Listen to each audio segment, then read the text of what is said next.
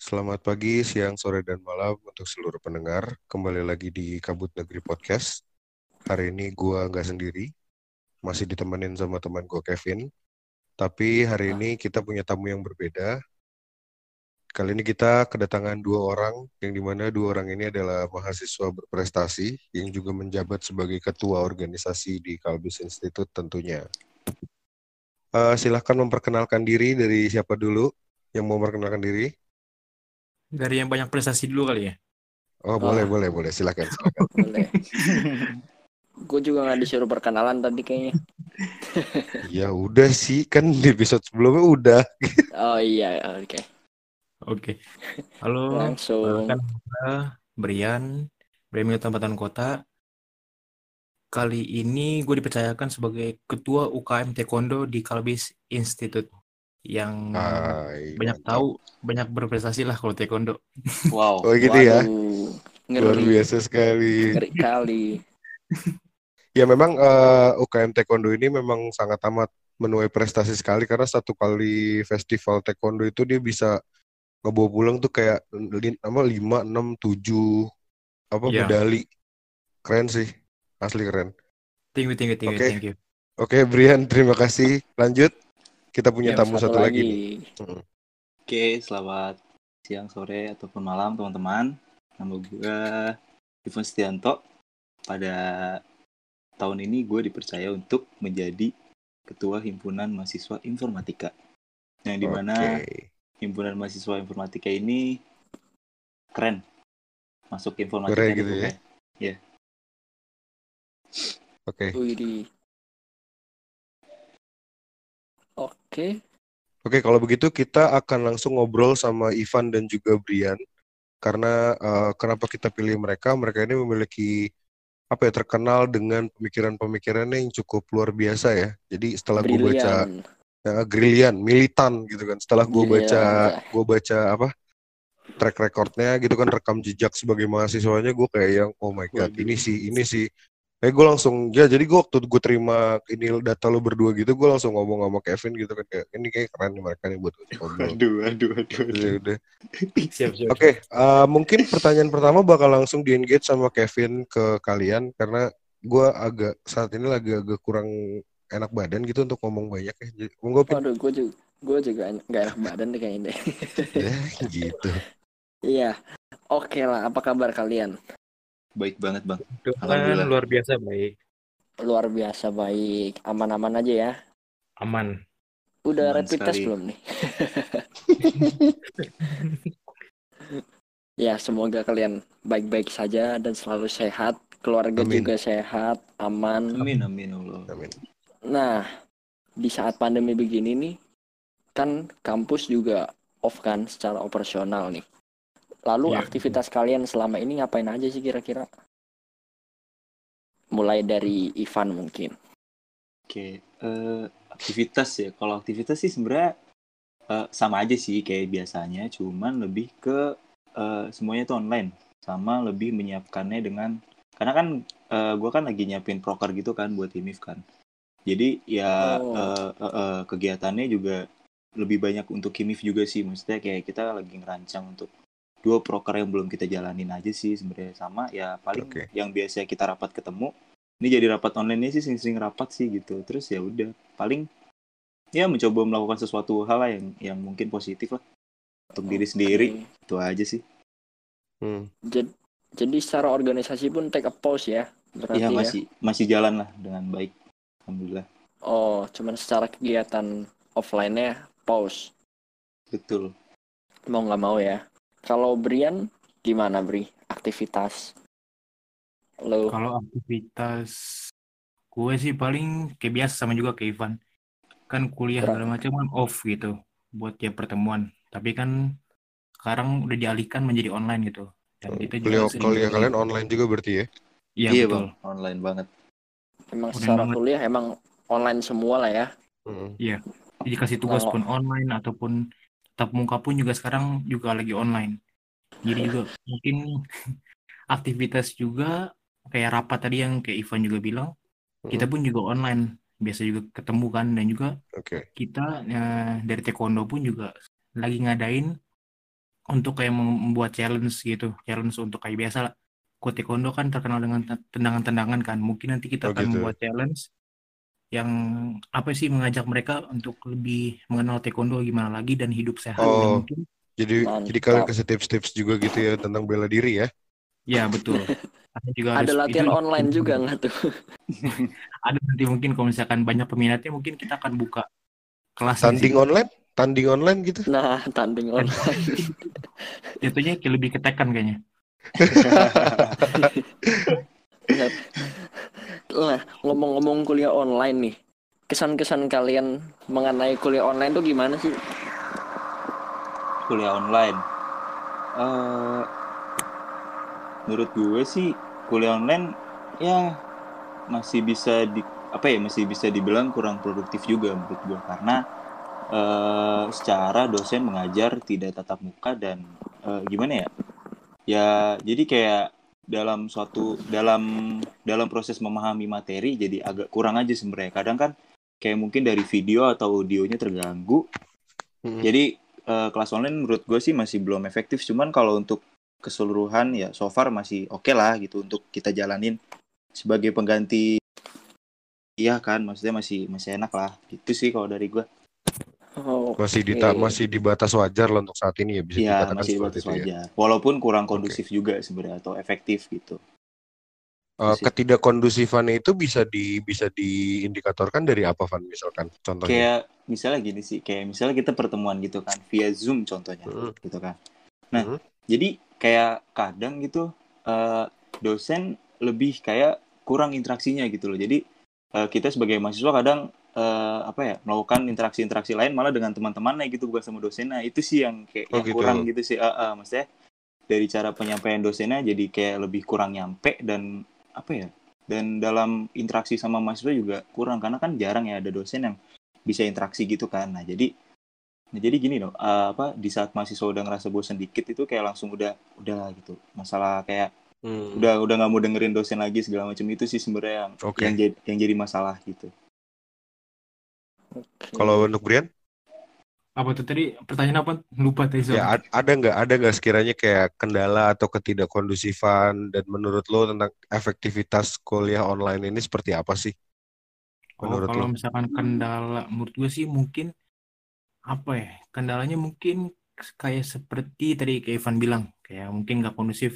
Kayak dosennya kurang engage gitu, misalnya kurang dekat sama kita. Dan juga kan biasa kita kan lebih eh, mau tanya apa pun juga lebih langsung kan. Kalau misalkan di kelas online kan mungkin agak agak ke distract sama mungkin kita lihat HP lah, mungkin kita Oke. terlalu santai lah atau gimana. Jadi jadi ke bawah mood juga sih. Kalau misalnya mood kita lagi nggak enak kan, jadi kan beda gitu. Dan juga suasananya pun juga beda pas lagi kelas online, kelas online dan kelas yang di kampus.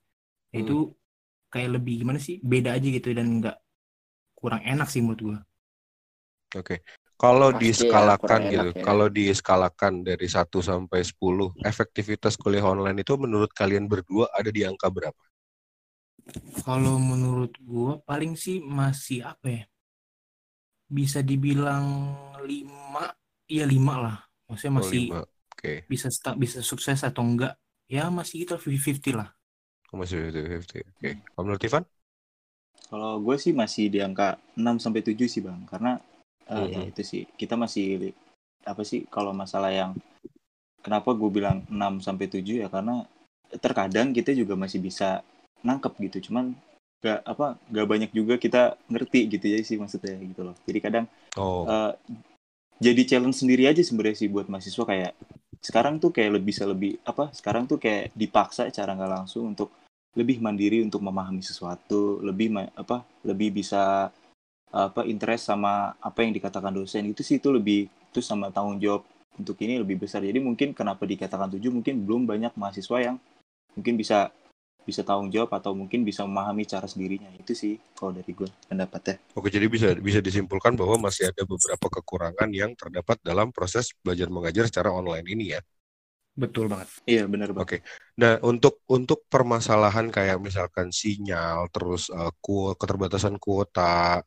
Data gitu kan, data apa handphone, itu menjadi sebuah problem nggak sih untuk mahasiswa? Iya, mengingat kalian kan dari HMJ dari Ormawa Hmm. mungkin dengar curhatan teman-teman yang lain atau mahasiswa betul. yang lain mengenai operasional kuliah online ini gimana sih? Apalagi kayak Ivan kan tadi kayak jiwanya menyukai tantangan banget tuh. Waduh. Mungkin tertantang untuk membantu teman-temannya atau gimana gitu. Coba silahkan. Tapi eh, kalau masalah kuota internet dan mungkin fasilitas yang yang apa ya yang kita gunakan lah selama kelas online gitu kan. Hmm. Mulai dari kuota internet dan lain-lainnya ya menurut gue sih eh, gini sih. Eh, mungkin awal-awal kayak oke lah. Mungkin kayak 3 sampai 4 pertemuan masih tidak masalah. Cuman Oke. eh, kita bisa lihat lagi kayak tugas lalu eh, via apa? kelas via Zoom atau via apa? video online gitu kan. Terus juga eh, mengingat eh, kota yang kita butuhkan juga harus lebih lebih banyak karena mulai dari kita ngerjain tugas mungkin kita ada nyari-nyari bahan lewat internet juga. Terus kita harus kelas pakai internet juga. Terus kita harus ngirim tugas pakai internet juga yang kadang dosen pun di saat kita punya masalah eh, apa namanya internet pun kadang masih nggak bisa dimaklumin gitu. Itu. Oh gitu. Hmm, dan Jadi terus ke keterbatasan, jadi keterbatasan kemampuan kita untuk bisa punya kuota internet itu sendiri tidak menjadi maklumat gitu, nggak kayak iya nggak masih kayak dimaklumi gitu Ah, sama. kurang Oke. kurang dimaklumi aja sih sebenarnya karena Hmm. kan gimana ya seperti kita tahu eh, online itu kalaupun ada gangguan juga sebenarnya bukan salah kita juga kan harusnya kita sebagai mana yang mema- memanfaatkan fasilitas itu cuma harus bisa ngerti aja sebenarnya di saat ada gangguan kayak gitu sih nah kadang Betul, dosen nggak sampai mikir ke situ yang yang disayangkan aja sebenarnya terus Jadi kayak Eh. thread-thread daripada kuliah online sendiri nggak diperhatikan ya ancaman Bener, bener. Terus juga apa namanya? eh, kalau ngomongin soal kota juga paling sih masalah di kayak misalnya eh, ini sih kayak misalnya kita mem- memposisikan diri kita sebagai misalnya anak rantau atau mungkin eh, mungkin mohon maaf ya yang mungkin yang kurang kurang mampu atau menengah Iya, ke bawah gitu kan.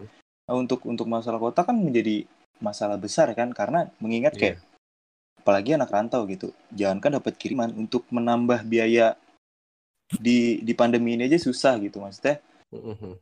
kayak gitu kan kayak mungkin dia bisa lebih kena ekstra kota yang mungkin biasanya dia sebulan 2 giga ini karena ada kelas online dan lain-lainnya bisa 4 sampai 5 sampai 6 mungkin ya kan karena kan bertambahnya fase apa eh, kegiatan online yang yang di- yang di- dia lakukan gitu kan ini terlepas Oke. dari te- ini terlepas dari game online yang dia mainin ya misalnya gitu kan Mhm. ini untuk khusus kayak mereka Kuliahnya aja kuliah gitu dan ya. lain-lain eh, bisa bisa bertambah juga gitu dan juga kalaupun misalnya kita pakai wifi pun kita juga harus bayar bulanan segala macamnya kan nah itu juga ngaruh sih karena kan eh, dampak ini tuh eh, sangat besar sekali kenanya gitu masalahnya kayak yang mungkin tadinya misalnya kita sebagai anak yang biasa aja nih yang menengah yang menengah aja gitu kan yang standar sampai yang ke atas gitu kan. Ya mungkin eh, kena pandemi ini masih wajar lah gitu kan. Cuman kan ke sini sini kebutuhan makin banyak dan lain makin banyak gitu kan. Kita juga butuh untuk yang namanya keringanan dalam hal eh, apa namanya fasilitas yang akan kita gunakan itu loh seperti internet dan lain-lainnya. Itu juga kita sebenarnya butuh juga ternyata. Semakin ke sini ya terlepas dari apa yang apa yang kita lakukan di luar kelas online cuman kelas online ini juga membuat kita eh, jadi apa ya? Ya jadi makin ini aja sih apa agak berat aja untuk masalah kota dan lain-lainnya gitu. Jadi ya intinya sih untuk masalah kota menurut menurut menurut gue sih ya penting juga sih untuk diperhatikan ya. Terus, ya walaupun emang susah untuk mendapatkan secara cuma-cuma atau emang eh, nggak banyak juga kan provider yang ngasih gratisan juga ya cuman ya itulah masalah kita. Karena kan kita kelas online sampai nanti mungkin akhir semester ya kan apalagi nanti Iya. UTS juga kalau misalnya UTS nih misalnya pas waktunya UTS dan kita kita ini lagi emang kesusahan banget dalam hal kota dan lain-lain wah UTS kita bisa keganggu nih gitu coba dipikirin ke situ juga gitu loh karena kan kelancaran kuliah juga kan jadi tanggung jawab kita dan kampus juga sebenarnya kayak gitu sih kalau dari gua Eh, itu kan tadi dari Ivan ya. Kalau seandainya gue mau nanya sekarang ke Brian gitu. Ketika pandemi seperti ini kan sebenarnya ekonomi menjadi satu permasalahan. Karena tidak hanya dari lintas yang eh, sektoral gitu maksud saya kayak maksud gue kayak nggak cuman dari dari kalangan tertentu aja yang menerima dampak tapi juga semuanya gitu kan ini kan kondisinya tidak melihat itu kalian kaya ataupun miskin atau bagaimana semua terkena dampak dari COVID ini Iya, kan. betul. Eh, kalau dari menurut lo sendiri, Bri, menyikapi hal itu ketika ekonomi menjadi sebuah permasalahan dan juga seperti tadi dimention sama Ivan, ada beberapa teman kita yang mungkin tidak seberuntung teman-teman yang lain gitu kan. Notabene mungkin sorry to say perekonomiannya di bawah rata-rata atau memang anak rantau. Itu kira-kira yang bisa menjadi win-win solution untuk bisa mereka tetap berkuliah menjalani kuliah online ini dengan seksama itu apa sih menurut lo? Kalau menurut gua sih, maksudnya win-win solution ya. Jadi biar sama-sama untung. Jadi gak ada yang dirugikan.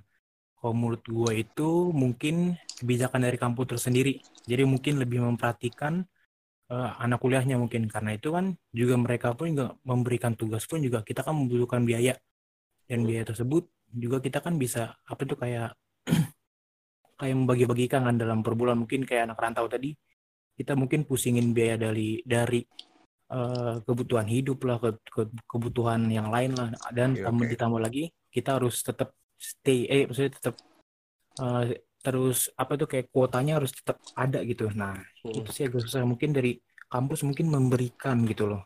Mungkin memfasil- memfasilitasi.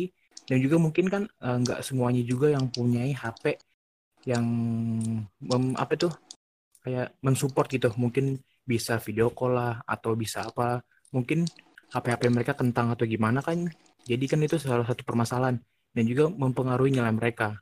Dan mungkin kampus lebih melihat mungkin lebih apa ya lebih teliti lah mungkin seperti seperti itu. Mungkin memfasilitasi, memfasilitasi, memfasilitasi mereka dengan apa ya memberikan mereka HP kah atau laptop kan. Itu kan ja- jauh lebih membantu dan juga mungkin dari sisi biaya mungkin kan itu pun juga menjadi win-win solution.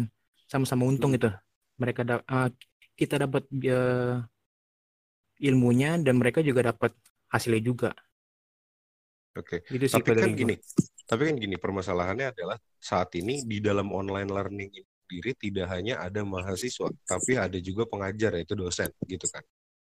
Kira-kira eh, apakah dosen ini pun juga harus diperhatikan sama kampus dan jika memang iya harus diperhatikan, bagaimana sih seharusnya kampus ini membuat kebijakan yang setidak yang sekiranya memenangkan keduanya gitu loh. Perjalanan proses untuk belajar mengajar secara online ini pun berjalan dengan lancar. Lalu juga kampus juga tetap bisa memiliki eh, apa ya ibarat kata ya kualitas-kualitas murid yang baik gitu loh istilahnya ibarat kata kayak ya kalau misalkan online learning kita ditiadakan ya kita kan kampus kan juga tidak punya punya apa ya akreditasi untuk untuk punya tahu oh nih si anak ini nilainya tinggi si anak ini nilainya gini gitu kan istilahnya Ya. Iya. Nah jadi kira-kira apa sih perlu nggak sih dosen ini juga diperhatikan? Kalau menurut gue sih perlu banget. Jadi kan biar sama-sama untung. Dari pihak mahasiswanya untung, dosennya untung, dan juga pihak kampusnya untung. Jadi kan semua bahagia. Kalau misalkan ada salah satu aja yang nggak terperhatikan, pasti kayak apa ya, kayak kurang gitu mungkin. Jadi eh, akan terputus rantai tersebut. Jadi kayak Oke. nggak apa yang kurang jadi baik gitu, kurang harmonis. Mungkin nanti dosennya kalau misalkan nggak diperhatikan dalam gaji lah, atau diberikan kuota lah, atau diberikan apa pun itulah yang mungkin membuat dosen itu lebih baik lagi, ya seharusnya kampus harus, harus memfasilitasi sama dan sesuai kebutuhan dosen tersebut. Itu Oke. harus banget. Itu sih kalau dari gua bang. Eh, berarti bisa dikatakan bahwa kampus semestinya mengeluarkan kebijakan yang di mana dapat memperlancar proses online learning ini sendiri ya. Betul, Karena betul, demi, betul. demi kepentingan bersama begitu kan, kepentingan Iya. kampus juga, kepentingan eh, mahasiswanya juga dan lain-lain. Oke. Um, Mungkin intinya menunjang operasional kuliah online Nah, ini iya, lah betul. ya dari Betul, segala Bang. sisi. Betul bang. Harus Dari segala sisi. segera di harus sering-sering dievaluasi lah ya. Iya. Maksudnya dalam Betul. dalam dalam segala sisinya ini siapa yang berperan dalam ini loh apa dalam hal kuliah online ini gitu loh.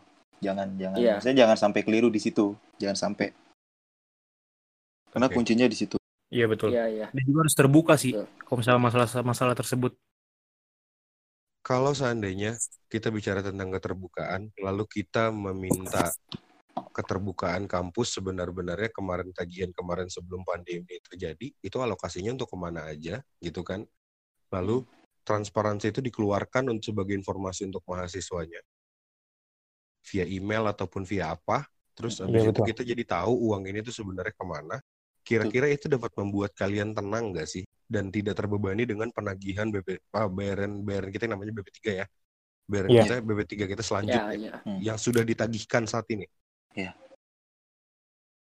Ya karena kalau menurut gue ya bang, eh, yang pertama sebenarnya tuh eh, kampus sebenarnya gini, eh, langkah-langkahnya tuh sebenarnya kayak kampus bisa aja nih dengan cepat kayak langsung mengeluarkan apa kebijakan cuma secara bener-bener terbuka banget. Maksudnya entah via email atau mungkin eh, via Instagram diumumin kayak oke kita sebagai bla bla bla bla mengeluarkan kebijakan ini ini ini gitu kan. Nah Hmm. mungkin kalau emang udah kayak gitu juga mahasiswa mungkin udah oh yaudah tenang deh gitu kan. Nggak perlu kayak Hmm. transparansi ke misalnya contoh kayak gitu bisa kita sebut dapurnya lah gitu kan. Kayak untuk Oke, alokasi apa aja kan itu ibaratnya dapur ya kan. Nah maksudnya kalau dengan kampus melakukan seperti itu kayak oke pak rektor atau siapa pun yang berkaitan dengan kampus berbicara secara gamblang me- apa menyampaikan keputusannya tuh segini sesuai dengan keputusan ini ah dadadadadadat, dijabarkan Mhm. semua dan Oke. di apa dikoneksikan dengan eh, ormawa untuk nge-share untuk apa ya nge-share atau mungkin eh, apa namanya mendistribusikan membagikan info tersebut iya lah. iya mendistribusikan info tersebut secara merata biar ya biar itu udah termasuk terbukaan sebenarnya Oke. Da- dibanding harus harus menjabarkan dapurnya atau apanya gitu sih sebenarnya itu udah udah lebih dari cukup sebenarnya dari untuk mahasiswa sih Oh, menurut jadi- gua ya Oke. Kalau Brian? Kalau dari gue sih sama juga sama Kevin dan mungkin juga kita pihak kampus pun juga harus lebih terbuka dan mungkin menjabarkan gitu dari hasil yang mungkin pembayaran semester yang kemarin kita kan pas di semester kemarin kita cuman apa ya cuman menikmati cuman hanya beberapa minggu atau beberapa bulan. Dan itu Ya. mungkin harus di apa ya diterbukakan lagi gitu. Itu duitnya ke mana lah. Dan mungkin juga bisa dialokasikan ke kita ke mahasiswa mungkin berupa kota kah, atau berupa apalah. Yang penting istilahnya duit itu eh, nggak- pokoknya jelas gitu ke mana. Itu sih kalau dari gua. Tambahannya. Oke. Kalau yang bisa gue simpulkan adalah mungkin kalian berharap kebijakan yang lebih menenangkan dan menyenangkan berbagai pihak dalam kampus ini ya. iya betul Jadi oke. Mungkin untuk breakdown kita agak jauh ya pemikirannya ke sana. Hmm. Atau mungkin lebih gampangnya apakah sudah ada evaluasi mengenai kuliah online ini dari segi dosen dan dari mahasiswa menurut kalian udah ada belum sih evaluasi sejauh ini mengingat ya dampaknya ke mana-mana gitu loh kayak dulu gue juga ngerasain ngekos anak rantau makan pun ya mungkin kadang pas-pasan gitu loh. Apalagi buat beli paket data dan lain-lain gitu loh. Menurut kalian gimana? Coba dari lu pan. Oke. Iya. Eh, ini udah ada evaluasi belum gitu? Eh, menurut gue sejauh yang gue lihat ya bang ya sebagai Iya. gue sebagai mahasiswa eh gue mensubjekkan diri gue sebagai mahasiswa sih menurut gue eh, dari awal, awal kita perkuliahan online masih sama sih gitu loh maksudnya belum ada hal yang berubah justru malah eh, yang gue tahu sih eh, kayak ini sih eh, ini yang gue tahu ya kayaknya eh, apa semua dosen tuh diwajibkan untuk apa namanya via apa membahas materi kan via via zoom atau apa pun sebanyak dua dua pertemuan kan itu yang gue tahu dan justru Iya, iya. belum nah kalau dari segi evaluasi sih menurut gue belum ada karena masih masih berjalan seperti dari awal sampai sekarang gitu sampai hari ini. Sampai kemarin gue kelas pun masih sama gitu maksudnya belum ada evaluasi sama sekali sih. Yang gue rasakan masih sama yang kita terima masih sama cara dosen dan mahasiswa menjalankan kuliah online juga masih sama itu sih Oke. dari gue Oke, Berarti, kalau Brian eh, gimana? Eh, Brian? Kalau dari gue sih apa ya evaluasinya? Eh, mungkin sama juga sih sama Kevin karena kan eh, gue pun sama Ipan pun sepemikiran dan juga kita sering membahas hal tersebut karena kan kita kan sama-sama ketua ormawa kan dan juga beberapa dari anggota kita lah atau teman-teman kita kan suka suka cerita sama kita karena kan mungkin kita salah satu suara untuk mengaspirasikan apa pun itu. Jadi belum ada evaluasi sama sekali sih kalau dari gua. Iya. Lalu untuk gue agak tertarik satu isu mengenai absen. Bagaimana mengenai absen? mengenai absen Kalau Eh, iya. mengenai absen.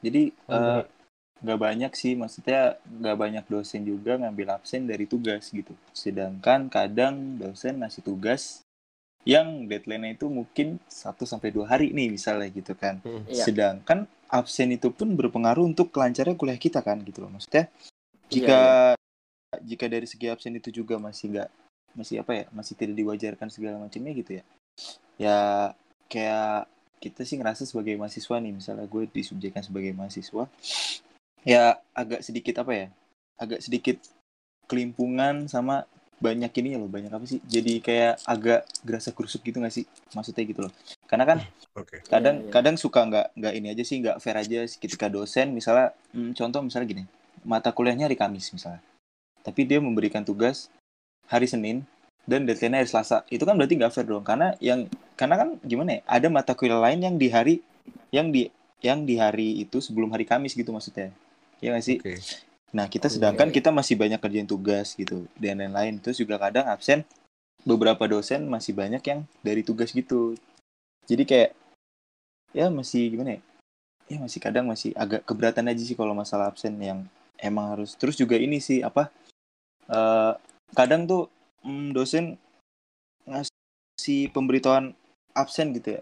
Kadang terlalu ini banget sih cepet cuma nggak masalah sih sebenarnya karena kan emang eh, kalau kita lihat dari konteksnya absen kan ya, kan emang harus kayak gitu kan maksudnya emang harus cepat lah kalau absen kan gitu kan ya kan cuma eh, nggak Iya. ada cuma kadang kayak nggak ada apa ya nggak ada pemberitahuannya lebih lebih lebih dulu gitu guys nanti kita kelas kayak maksudnya tidak tidak sesuai dengan jam kelas gitu maksud gua absennya kayak gitu sih yang kadang jadi Oke. kerepotan kita untuk masalah absen ya Tuh. Oke.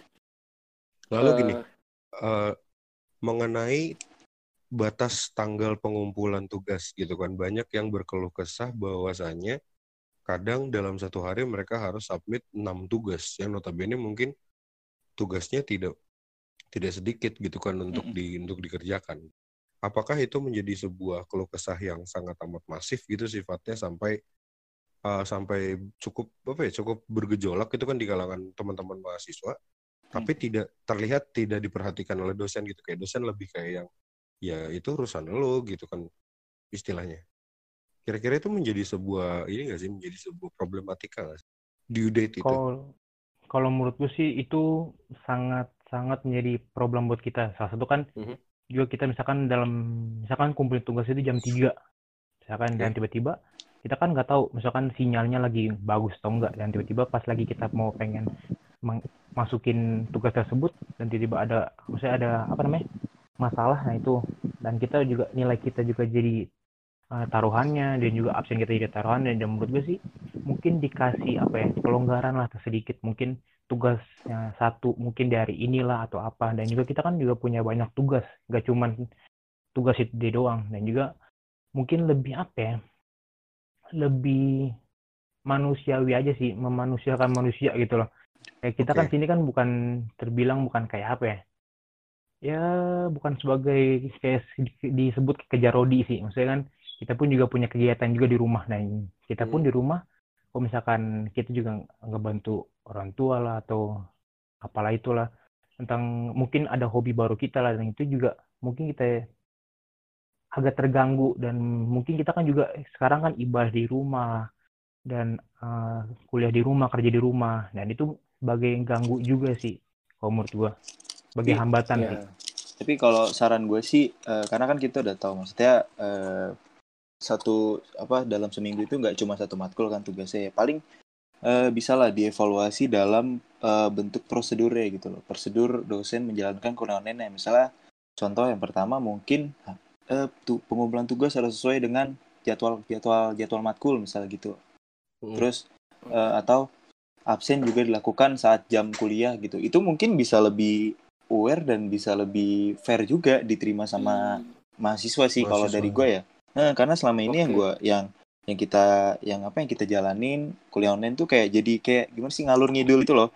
Hari ini sebenarnya matkulnya apa cuma tugasnya apa gitu loh kadang kita kayak pusing juga kadang gitu loh karena oke. itu sih paling ya evaluasi yang kita butuhkan sebagai mahasiswa ya prosedur yang yang baik aja sih dalam menjalankan kuliah online gitu maksudnya jangan jangan diserahkan eh, semua haknya itu ke dosen karena ya dosen kan juga nggak tahu mat- mata kuliah kita apa aja kan gitu. Jadi ya mungkin bisa lebih disesuaikan dengan mata kuliah yang ada di hari itu gitu aja sih paling.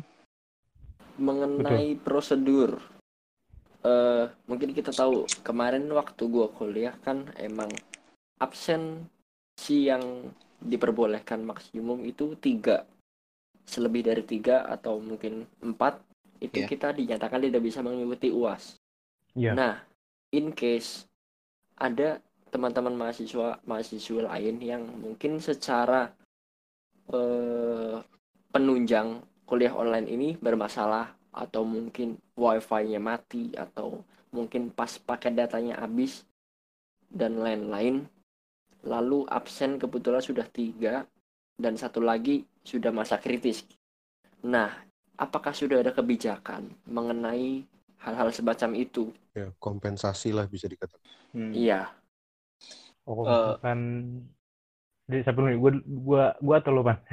lo dulu ya Bri Oke, kalau dari gue sih ada beberapa dosen yang mungkin merubah kebijakan mereka ya. Misalkan mungkin kayak di kampus kan yang maksudnya nggak ada nggak ada inilah. Lo walaupun nggak masuk atau nggak apa, absen maupun sakit atau apa, tetap diabsenin.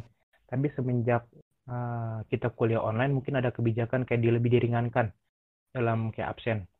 Mungkin kayak mungkin dosen juga ngerti kan, dosen juga paham kalau misalkan kita koneksinya lagi hilang lah ataupun juga kita lagi nggak enak badan. Yang penting kita bilang dulu bilang dulu kalau kita tuh lagi ada bermasalah. Bisa ditip juga ke teman itu sih kalau misalkan masalah absen sih masih aman. Kalau dari Ivan gimana Ya, eh, kalau sejauh ini sih yang yang gue dapet ya dari dari jurusan gue ya, maksudnya dari program studi gue sih, eh, dosennya sih masih eh masih sedikit manusiawi lah gitu. Maksudnya eh, untuk masalah absen ya, karena kalau tugas gue Oke. belum tahu sih kasusnya mau gimana.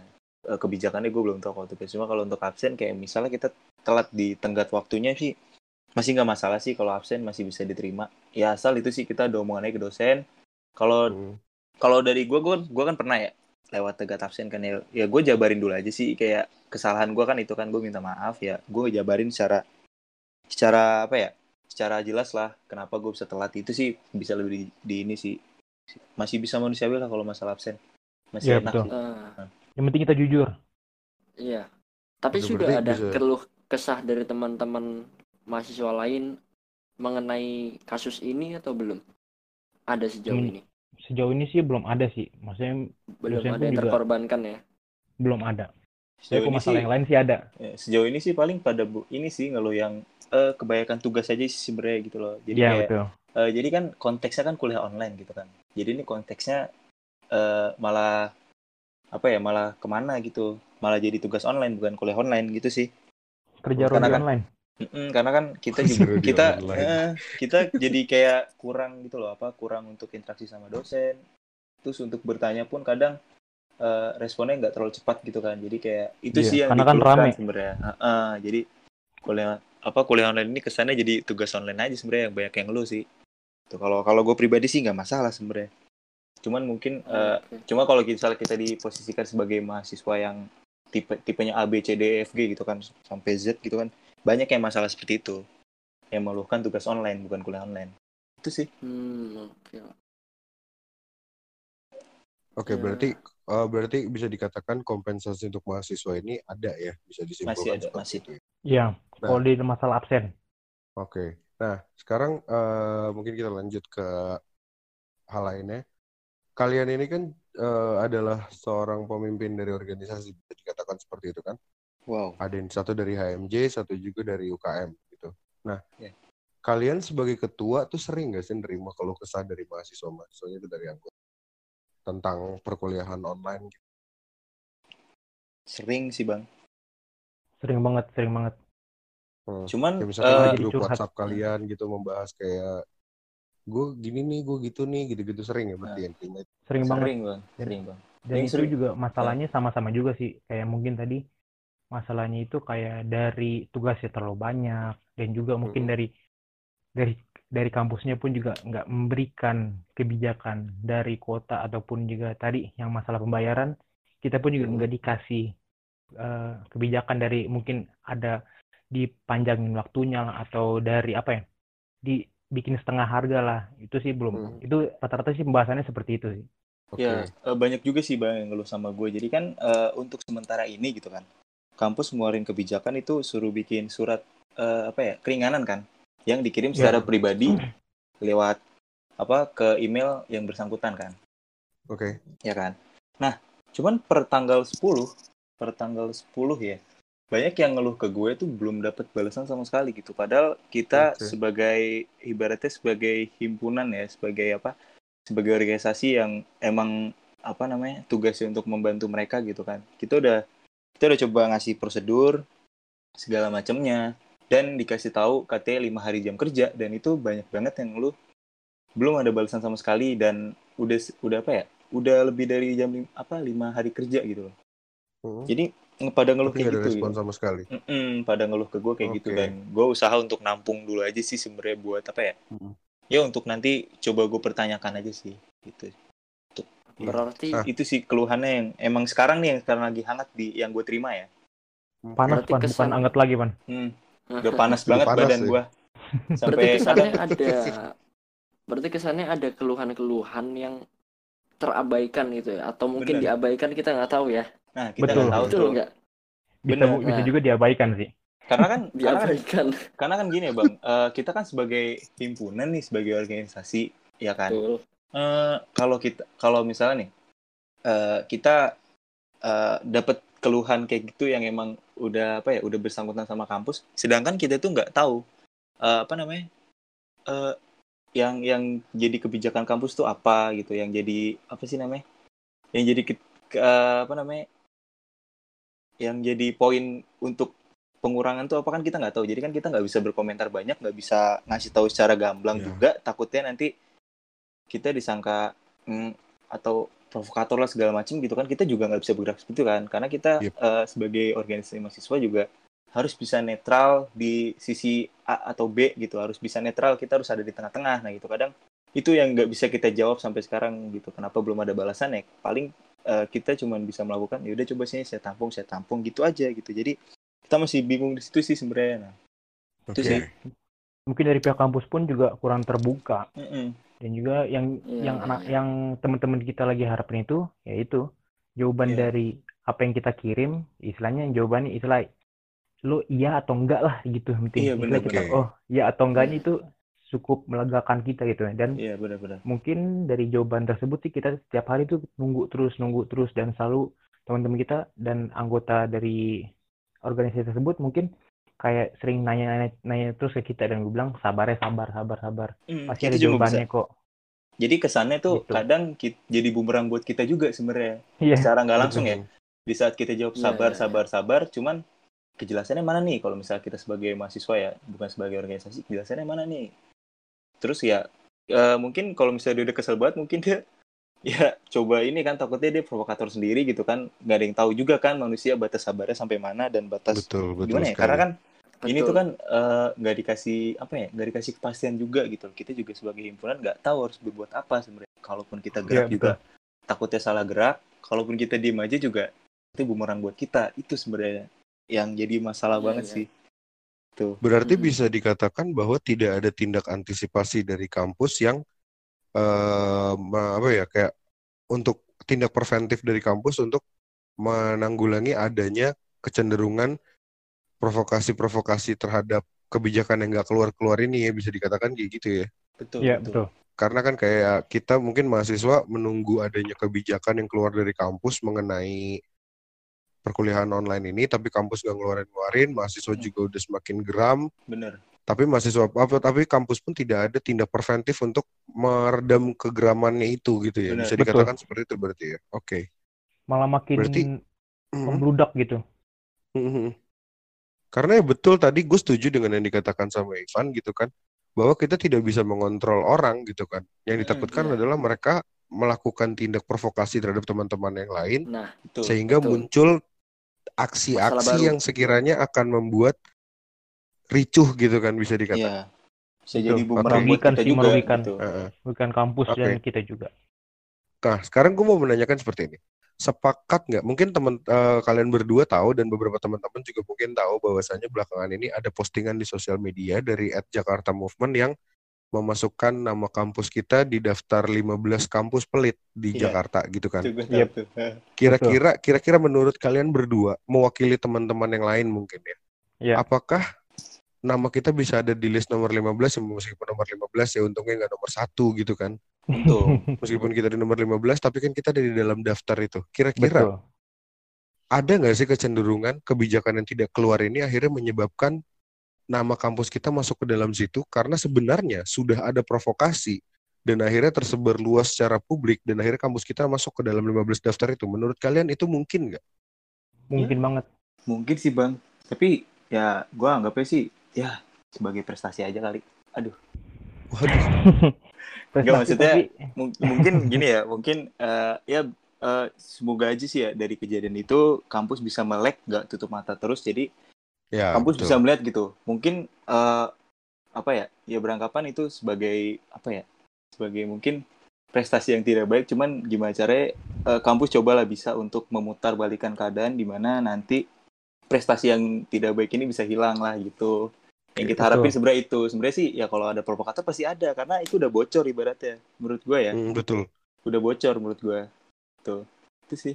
Karena secara logika tidak mungkin mereka memasukkan nama kita ke dalam 15 daftar tersebut tanpa punya data, begitu kan? Betul. Betul banget. Nah, data ini data ini mungkin bisa mereka peroleh dari adanya provokasi-provokasi yang dilakukan. Nah, bisa Karena eh, Beberapa beberapa teman mahasiswa di luar sana pun juga mungkin sudah menyuarakan melalui sosial media dan lain-lain yang kita tahu ya. Ya, Saat ini mungkin sosial media kan sejahat itu dan apa pun yang kalian posting itu adalah validasi gitu kan untuk orang lain. Eh, istilahnya seperti itu. ya, dan jejaknya nggak hilang sih kalau sosial Iya, media. dan itu dan Betul. itu itu menurut gue itu malah menjadi sebuah data untuk orang lain dan akhirnya kita end up ada di 15 daftar kampus itu gitu loh. Bener. Betul jadi pedang bermata dua sih menurut gue sih. Oke, nah karena kita di sini pun juga dari podcast ini kita tujuan utama kita adalah untuk uh, melahirkan sebuah solusi bukan masalah gitu kan. Uh, semoga suara kalian dapat didengar sama teman-teman yang lain juga sama pihak kampus gitu kan untuk Ya, otoritas kampus Semoga, untuk semoga. mengeluarkan kebijakan. Amin amin. Oke, nah sekarang Ya. gue mau menanyakan nih, kalian sebagai ketua gitu kan, variasi apa sih yang kalian bikin sebagai breakthrough gitu di organisasi kalian?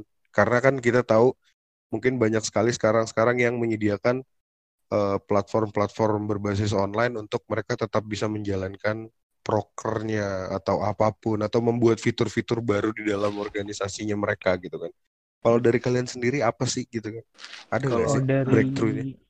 kalau dari Taekwondo deh, mungkin taekwondo kan kayak ya kalau gue melihatnya taekwondo adalah sebuah bela diri ya kan salah satu bela diri Iya. yang ya mungkin kita tuh pengen kayak taekwondo bisa breakthrough, masa gue enggak sih gitu loh istilahnya, bisa menjadi ba- uh, acuan. Kalau dari taekwondo Hmm, gimana? oke. Kalau dari taekwondo mungkin kan uh, hal-hal yang kita buat itu itu Hmm. kayak mungkin kita memberikan tips-tips gitu kayak mungkin hidup sehat gimana terusnya juga uh, maksudnya pengetahuan tentang taekwondo lah dan juga mungkin kayak pentingnya bela diri maksudnya bukan taekwondo aja mungkin bela apa pun itu bela diri itu penting dan juga Oke. mungkin kita dari pihak Ormawa pun juga kita mengajak para mahasiswa yang lain, mahasiswa mahasiswa kalbis dan mahasiswa kampus yang mana pun untuk physical distancing segala macam dan kita juga membuat video itu sih, video campaign gitu. Oh, oke oke. Jadi itu adalah salah keren, satu keren, breakthrough keren. yang dilakukan oleh taekwondo untuk mensiasati beberapa agenda kalian yang mungkin postpone atau di cancel ya. Hmm. Iya. Oke, kalau dari Ivan sendiri dengan sistem informasinya. Kalau kalau eh, apa namanya kalau organisasi gue sih ini ya eh, himpunan gue eh, ini sih kan tadinya tuh eh, gue ber- masih berusaha untuk menjalankan dua proker yang belum jalan kan. Oke. Nah caranya itu eh, sekarang sih kita lagi apa dengan cara kan awalnya tuh konsepnya A jadi kita ubah konsepnya menjadi konsep B lalu kita kita apa ya kita ubah jadi online gitu aja sih paling itu yang Oh. pertama jadi proker semua kita jalani secara online ya dengan apa ya ya dengan biaya yang tidak kan kalau misalnya kita ngadain secara langsung itu kan biaya gede kan Mhm. Nah, di sini juga kita berusaha apa survive dengan biaya yang ya karena dapat sponsor udah nggak mungkin, nyari jualan juga apa pun untuk bantu apa namanya proker juga nggak mungkin. Jadi kita mengubah proker kita dua proker itu menjadi online, yang di mana eh, lomba tersebut eh, apa ya kita apa namanya kita laksanakan semua online mulai dari pendaftaran mulai dari eh, sesi penilaian segala macamnya perayaannya pun nanti kita online sama eh, sekarang eh, untuk mengisi kekosongan-kekosongan ini dan biar coba kita apa ya untuk berperan aktif gitulah sebagai apa sebagai organisasi kita melakukan eh, kita lagi mau buat talk show via Zoom dan nanti kita Oke. Kita share ke eh, apa namanya IGTV. Nah, di di talk show itu kita ngebahas eh, kita ngulas apa ngulas tentang informatika, tentang dunia informatikanya, tentang eh, apa namanya mata kuliah informatikanya, tentang apa dunia kerjanya, tentang Mhm. eh, apa namanya yang apa ya tentang ap- gamenya mungkin kan kita juga ada game computing kita juga lebih condong ke Oke. sana jadi kayak ibaratnya Mhm. kita juga di situ tetap menjual informatika sebagaimana jurusan eh, yang bisa yang bisa kalian minati lah gitu kalau misalnya Oke. kayak gitu. Terus sama eh, kita lagi coba untuk eh, ini sih nggak tahu sih ya, bisa terrealisasi apa enggak cuman gue lagi mau coba ini sih. Jadi kita eh, untuk persembahan terakhir dari Himif karena kan kita udah sadar nih dua bulan ini kayak kita nggak mungkin untuk melakukan hal besar kan. Hal-hal besar kan. Nah kita coba untuk meninggalkan sesuatu di di periode ini dengan kita membuat eh, apa namanya kumpulan doa-doa yang kita Mhm. yang kita yang kita tulis di dalam bentuk video dan nanti kita eh, sebagai apa kita sebagai organisasi kita eh, mendoakan untuk seluruh Indonesia sih paling gitu kita kita kita buat sebagai bentuk video gitu aja sih itu persembahan terakhir ya itu sih Oke, berarti uh, bisa dikatakan Brian dan Ivan sudah mulai menerapkan new normal di dalam organisasi. iya kita coba untuk ya biasa aja lah normal gitu walaupun banyak aktif. banget masalahnya Heeh. Ya, itu sih ya kalau gue sih eh, kalau gue sih jadi jadi ketua ya secara pribadi gue sebagai ketua ya gue cuman mau apa ya meninggalkan sesuatu aja sih. Gue suka sama konsep itu waktu itu yang dibilang sama bang Reno gitu. Ya coba untuk meninggalkan ya oke. Walaupun kita tidak bisa berbuat suatu hal besar nggak ada salah kita meninggalkan suatu hal yang kecil sih kalau menurut gue itu sih. Mantap. jadi gue jadi gue membuat Mantap. video video kumpulan dua-dua itu sih untuk jadi Oke. persembahan terakhir. Itu aja sih. Ya. Kevin mungkin ada yang mau ditanyakan? Nih, gue mau tanya deh. Seandainya ada beberapa mungkin atau mungkin satu orang pimpinan perguruan tinggi khususnya Kalbis yang mendengarkan podcast ini, ada nggak sih pesan-pesan yang ingin kalian sampaikan? eh mungkin mewakili apa yang kalian jumpai dari teman-teman kalian. Secara kalian adalah seorang leader dalam organisasi. Silahkan. Eh, kalau dari gue sih, ini simpel aja sih sebenarnya. Eh, semoga didengar. Eh, ini aja sih. eh, coba mulai untuk eh, menerapkan nilai-nilai kalbis aja sih. Karena kan kita sebagai mahasiswa disuruh menanamkan gitu kan. Cuman ya coba kampus juga menanamkan aja biar kita sama-sama bisa menjalankan nilai-nilai itu dengan baik dan sempurna. Gitu aja sih kalau dari gue. Oh, luar biasa sekali ya. Mantap. Ya. Kembali ke awal ya berarti. ya? Jadi lebih mempertanggungjawabkan apa yang sudah dituliskan dan disosialisasikan ya. Betul banget, Bang. Betul. Ya. Kalau dari Brian gimana? Kalau dari gue sih sama sama kayak Ipan, tapi ada beberapa tambahan sih. Kalau dari gue mungkin lebih apa ya? Lebih jujur, saya lebih terbuka dan juga melihat sisinya itu bukan hanya sisi dari satu arah aja. Ya bisa sisinya misalkan 360 derajat, jadi bisa ngelihat eh 180 derajat, juga bisa ngelihat dari kampus pun juga, dari pihak mahasiswa dan dosen pun juga. Dan juga mungkin lihat sekeliling juga. Em, itu sih semoga sih eh, apa pun yang kita sudah utarakan baik dari mahasiswa pun dosen semoga didengar dan semoga Amin. juga adanya keterbukaan itu sih Amin. Amin. Ya. Eh mungkin semoga pimpinan perguruan tinggi dari kami para senior dan alumni berharap kepada para pimpinan yang terhormat mohon segera dievaluasi perkuliahan online ini dari berbagai aspek.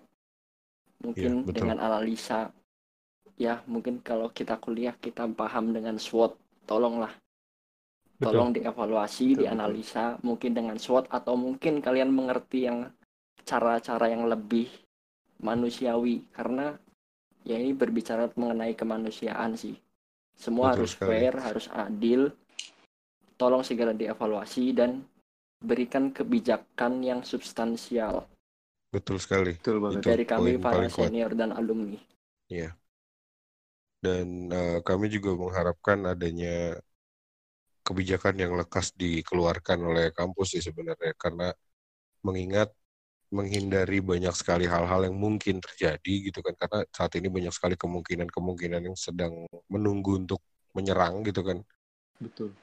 entah dan Iya. menunggu untuk datang lah gitu entah positif entah negatif apa pun itu kebijakan itu sangat amat ditunggu intinya itu. Dan kebijakan itu adalah untuk kebaikan bersama gitu kan. Karena kembali lagi eh lagi-lagi kami mahasiswa hanya bisa bersuara sebenarnya begitu kan. Kebijakan tetap Ya, Benar. turun dari yang atas tetap dari pihak otoritas gitu. Alangkah baiknya jika le- lebih cepat dikeluarkan agar menghindari adanya adanya provokasi-provokasi yang lebih besar. Karena ya, Sejujurnya podcast ini dibuat untuk menghindari provokasi tersebut. Kita ingin sekali untuk membuka dua belah pihak agar bisa didengarkan gitu kan. Karena tidak hanya dari sisi mahasiswa, kita juga akan nanti ngobrol sama dosen untuk kita mengetahui yang sebenar-benarnya tuh seperti apa sih gitu kan keluh kesah entah sudut Iya. pandangnya entah apanya itu untuk Iya. menim- untuk menciptakan satu eh, satu solusi yang bisa memenangkan semua pihak seperti itu. Iya, Oke. Dan satu lagi, Hmm, jangan sampai hanya kami yang peduli dari para senior dan alumni yang mendengarkan suara-suara adik-adik kami, para junior Ya, yang masih berkuliah di mana pun berada, dan dari pihak institusi malah tidak mendengarkan sebagai pihak yang bertanggung jawab atas Iya. mahasiswa mahasiswinya. betul sekali. Jadi mohon dengan sangat segera berikan kebijakan yang sesuai. Betul. Amin. Oke, bang mungkin, boleh nambahin eh, lagi ya bang? Ya silakan. Boleh. Monggo, monggo, monggo, boleh banget. Oke, tadi kan Iba, kalau dari Iban kan mungkin dari nilai kalbis kan, Dan kalau dari gue sih mungkin lebih menanamkan dan juga apa ya, menerapkan nilai-nilai Pancasila yang ada di Indonesia. Pasti Oke. baru lah, Mantap. dan itu harus diterapkan. Ya sama buat gue gue tambahin juga bang. Iya. Eh, sama ini sih buat buat teman-teman juga mungkin yang menunggu jawabannya eh, tolong jangan terlalu apa ya jangan terlalu ke bawah sama omongan-omongan yang belum tentu benar gitu. Lu coba riset dulu lu coba cari tahu Betul. kebenarannya karena eh, kalau lu salah langkah itu bakal jadi bumerang buat lu sendiri. Coba untuk lu main aman tapi lu peduli gitu sih. Jangan apa ya jangan peduli lu sebatas protes tapi juga lu peduli dalam banyak hal. Kayak misalnya eh, lu ya coba cari tahu dan tidak provokasi itu juga udah termasuk peduli. Pasti gua betul. ya yang gua harapin sih pasti kampus mengeluarkan yang terbaik lah buat kita eh, mengeluarkan kebijakan yang terbaik buat kita buat semuanya. Semoga ya kita bisa tetap sejahtera juga sebagai mahasiswa bisa dimanusiakan sebagaimananya eh, sebagaimana mestinya manusia ya. Itu aja sih. Dan ya lagi kayak gini sih tolong aja sih eh, buat apa namanya ya buat lakukan hal positif lah. Jangan jangan apa namanya jangan terlalu eh, membawa aura-aura negatif lah untuk teman-teman lu gitu. Karena kita semua lagi pusing juga. Karena ini dampaknya gede banget kan gitu. Jadi tolong ya teman-teman untuk Ya, eh, untuk bisa berbuat baik aja. Dengan provokator dan lain-lain. Terima kasih. Itu ya sih kalau dari gue Oh, di, Ya. sama juga. Tambah lagi ini baru ingat lagi. Mau apa. Misalkan selalu ada boleh, tambahan. Boleh, boleh.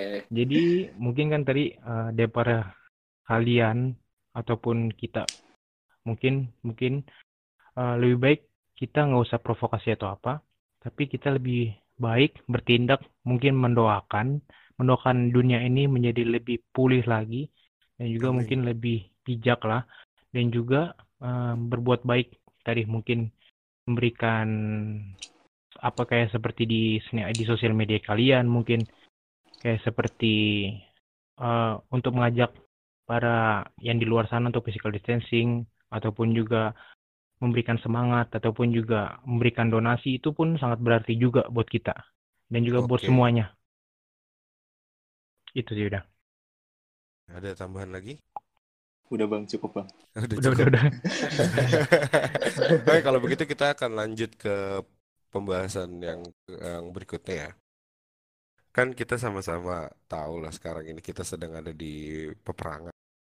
Kita sudah banyak sekali agenda-agenda uh, yang dikeluarkan, kebijakan-kebijakan pemerintah dan juga agenda-agenda pemerintah yang dikeluarkan demi menjaga Indonesia dan juga demi menyembuhkan kembali Indonesia begitu. Uh, di saat-saat seperti ini kan mungkin banyak sekali hal-hal yang menurut menurut kita tuh sebenarnya aneh gitu nggak sesuai sama kita tapi harus kita jalanin gitu kan seperti yang kayak physical distancing mm. terus uh, stay at home gitu kan. Itu adalah hal-hal yang mungkin sukar kita lakukan sebelumnya. Tapi tiba-tiba dua tiga empat bulan ke belakang ini adalah hal yang harus banget kita lakuin gitu kan. Demi kita memutus rantai penyebaran covid ini. Iya gak sih? Betul bang. Betul nah, banget. uh, eh, gue kepengen tahu sebagai kalian sebagai mahasiswa gitu kan yang notabene mahasiswa dikatakan sebagai agen perubahan garda terdepan dan penyambung rakyat gitu. Menurut kalian pandemi ini seperti apa sih dari brand dulu oh silakan dari siapa aja kalau dari gue sih pandemi ini sih mungkin mempengaruhi banget ya mungkin dari berbagai aspek baik dari dunia maupun juga negara kita sendiri. Ini sangat berdampak banget. Itu sih uh, sangat mungkin membuat shock gitu buat kita semua. Karena kita mungkin nggak ada kesiapan atau apa dan tiba-tiba ada pandemi seperti ini. Dan untungnya juga uh, dari pihak pemerintah pun juga mungkin mengeluarkan kebijakan yang menurut kita bagus untuk dilakukan dan juga nggak nggak telat untuk memberikan edukasi mungkin kayak seperti uh, eh, PSBB ataupun juga menerapkan untuk hidup sehat kayak mencuci tangan ataupun juga uh, tidak mudik juga atau apa pun itu. Dan baiknya dari Indonesia itu juga mungkin lebih cepat dan selalu update mengenai hal tersebut sih dari pandemi itu. Itu sih. Dari Ivan bagaimana pandangan tentang pandemi? Uh, pandemi ini sebenarnya uh, cukup besar sekali dampaknya gitu kan mas. Gak usah kita bahas dunia dulu gitu kan. Di Indonesia pun sudah hampir sekitar 19 ribuan kurang lebih ya per hari ini kayaknya yang gue tahu. Jadi uh, ya semoga aja ya. Menurut gue uh, pemerintah tuh udah mengeluarkan kebijakan yang baik. Uh, tinggal yang kita harapin ya semoga aja. Semoga aja dibungkus dengan dengan apa ya? Dengan implementasi implementasi yang baik gitu yang rapih yang baik. Biar uh, kita sebagai warga Indonesia uh, apa ya? Mampu juga apa? Biar kita juga sama-sama membantu memutus pandemi ini. Karena udah hampir empat bulan kita merasakan ini. Jadi kayak uh, banyak orang yang mulai stres segala macem gitu kan. Dan ini pandemi semoga aja gitu kan pemerintah bisa membungkus uh, apa namanya hal-hal atau uh, apa namanya kebijakan-kebijakan dengan cara yang baik dan rapi gitu. Itu aja sih. Paling uh, itu aja sih dulu gitu. Uh, kalau dilihat dari pandemi yang terjadi saat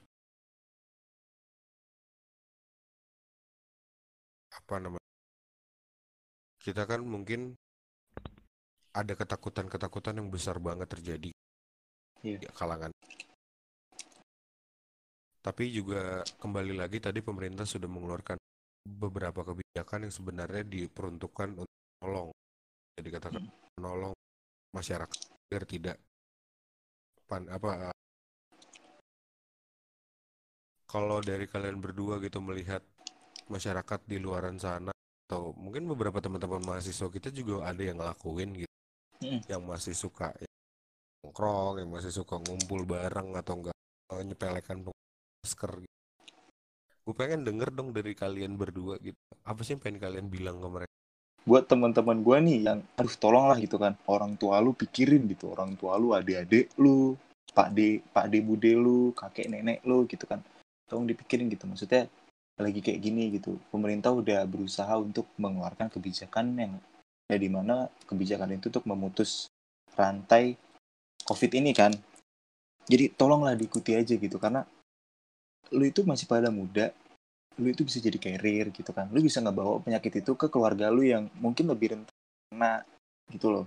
Terus juga uh, dan lebih diinget lagi sekarang kasus baru itu sekarang uh, ada lu kena virus tanpa gejala itu bisa gitu maksudnya tolong diperhatikan sampai ke situ gitu coba tolong lebih lihat-lihat berita lagi tentang bahayanya covid seperti apa jangan kebanyakan nongkrong juga nongkrong bisa lain lain waktu kok lu lebih baik nongkrong atau atau kehilangan orang yang terkasih dari lu gitu loh maksud gue. Betul sekali. Karena masih banyak banget bang yang keluar. Ya emang alibinya sih nongkrong ke kafe. Ya cuman ibu lu di rumah nih gitu. Orang tua lu di rumah nih. Kakek nenek lu, bude pade lu di rumah. Tolong lu sampai ke situ mikir ya gitu. Karena kita masih muda emang kita kuat. Cuman orang yang di dekat kita kuat gak gitu loh. Siapa tuh bisa tertular segala macemnya gitu kan. Setuju banget. Mm -mm, tolong tolong diperhatikan seperti itu. Terus juga uh, gue juga pernah nih bang ah lu kesel gak sih kayak gue pakai masker nih keluar diketawain gitu maksud gue ya ampun maksud gue lagi kayak gini gitu kan kenapa lu ngetawain orang bener? Malah lu kalau ngetawain kelihatan bego. Coba deh maksud gue untuk apa ya? Coba untuk lebih peka terhadap terhadap yang terjadi di di Indonesia ini gitu di lingkungan lu terutama gitu. Lu lagi ngapa sih? Kenapa sih lagi pada pakai masker segala macam bukan malah jadi cemooh harusnya gitu. Harusnya coba lu ikutin karena uh, gimana ya? Gue pakai masker tuh biar keluarga gue sehat. Kenapa lu nggak mikirin sampai situ? Gitu aja sih gitu. Terus juga masih pada sering nongkrong nongkrong ya, gue sebenarnya nggak masalah sih nongkrong. Cuman tolong apa ya lebih hati-hati aja sih. Tuh keluarga keluarga kesa apa keluarga tersayang lu terkasih lu di rumah. Yang bisa gampang tertular dan lain-lainnya tolonglah. Lebih mungkin lebih memperhatikan dampaknya bener gitu ya. lebih memperhatikan dampaknya bahayanya itu seperti apa. Mungkin kalau misalnya gue tanya mereka ketakutan mereka sama COVID dari 1 sampai 10 mungkin dia nggak bisa jawab gitu karena dia nggak tahu gitu kan. Dampaknya itu seperti apa gitu. Mungkin ya gue juga nggak tahu karena yang gue lihat seperti itu. Masih banyak yang berkeliaran juga di luar juga nggak tahu. Itu aja sih kalau dari gue tolong teman-teman ya. Tolong gitu. Ya, ya benar banget. Karena ya nggak ada salahnya untuk mencegah. Mm, bener. harapannya juga nggak iya, kenapa-napa. ya, tapi ya kita nggak pernah tahu apa yang akan terjadi. Betul. lebih baik mencegah daripada terlambat. Untuk Brian sendiri, apa yang pengen lu utarakan? Kalau kalau yang pengen gue utarakan itu adalah buat yang kalian masih nongkrong, masih nggak peduli dengan sesama kalian. Yang pengen gue ngomong itu kalian kalian itu gimana ya? Otak itu otak kalian itu udah ketutup atau gimana? Soalnya kalian tuh harus lebih mikir. Soalnya yang yang yang kalian tutup itu mulut kalian, bukan otak kalian pakai masker. Dan juga kalian itu temannya Superman, maksudnya atau kebal segala segala macam atau gimana. Saya kalian lebih peduli dan kita pun juga yang orang-orang yang di rumah kita menahan diri, kita menahan ego kita untuk apa ya lebih menyelamatkan dunia lah istilahnya menyelamatkan semuanya dan kita juga nggak ada nggak ada ruginya kok kalian bisa juga nongkrong online via Zoom atau via apa pun itu. Dia lebih keren jatuhnya. Dan juga apalagi ya, dan juga kayak mungkin yang sering-sering makan di luar atau gimana. Istilahnya mereka, istilahnya kalian dibungkus aja lah ataupun juga uh, bisa juga via Gojek atau gimana. Kan bisa juga ngebantu para uh, ojek driver, online. Driver ojol ya. Ya, driver-driver ojol untuk membantu mereka juga kan di tengah ini kan. Dan juga buat kalian juga lebih apa ya buka hati buka mata buka telinga karena pemerintah pun juga udah memberikan saran yang terbaik untuk kita semua. Nggak ada yang merugikan satu sama lain kok. Di situ pun juga biar sama-sama selesai ini, ini pandemi. Ya kalau misalkan yeah. kalian masih gue segala macem ya sorry sorry itu say kalian mendingan dikubur. Ya demi kebantingan bersama lah pastinya ya. Betul. Ya karena beberapa yang gue dapatkan juga ini sih ya mungkin untuk anak muda khususnya um usia belasan hingga 20-an itu tidak terlalu besar sih kemungkinan terkena rentan untuk- COVID ini. Tapi kemungkinan yang sangat besar justru menjadi carrier. Jadi ya Betul. tolong diperhatikan. Mungkin kalian nggak bakal kena deh.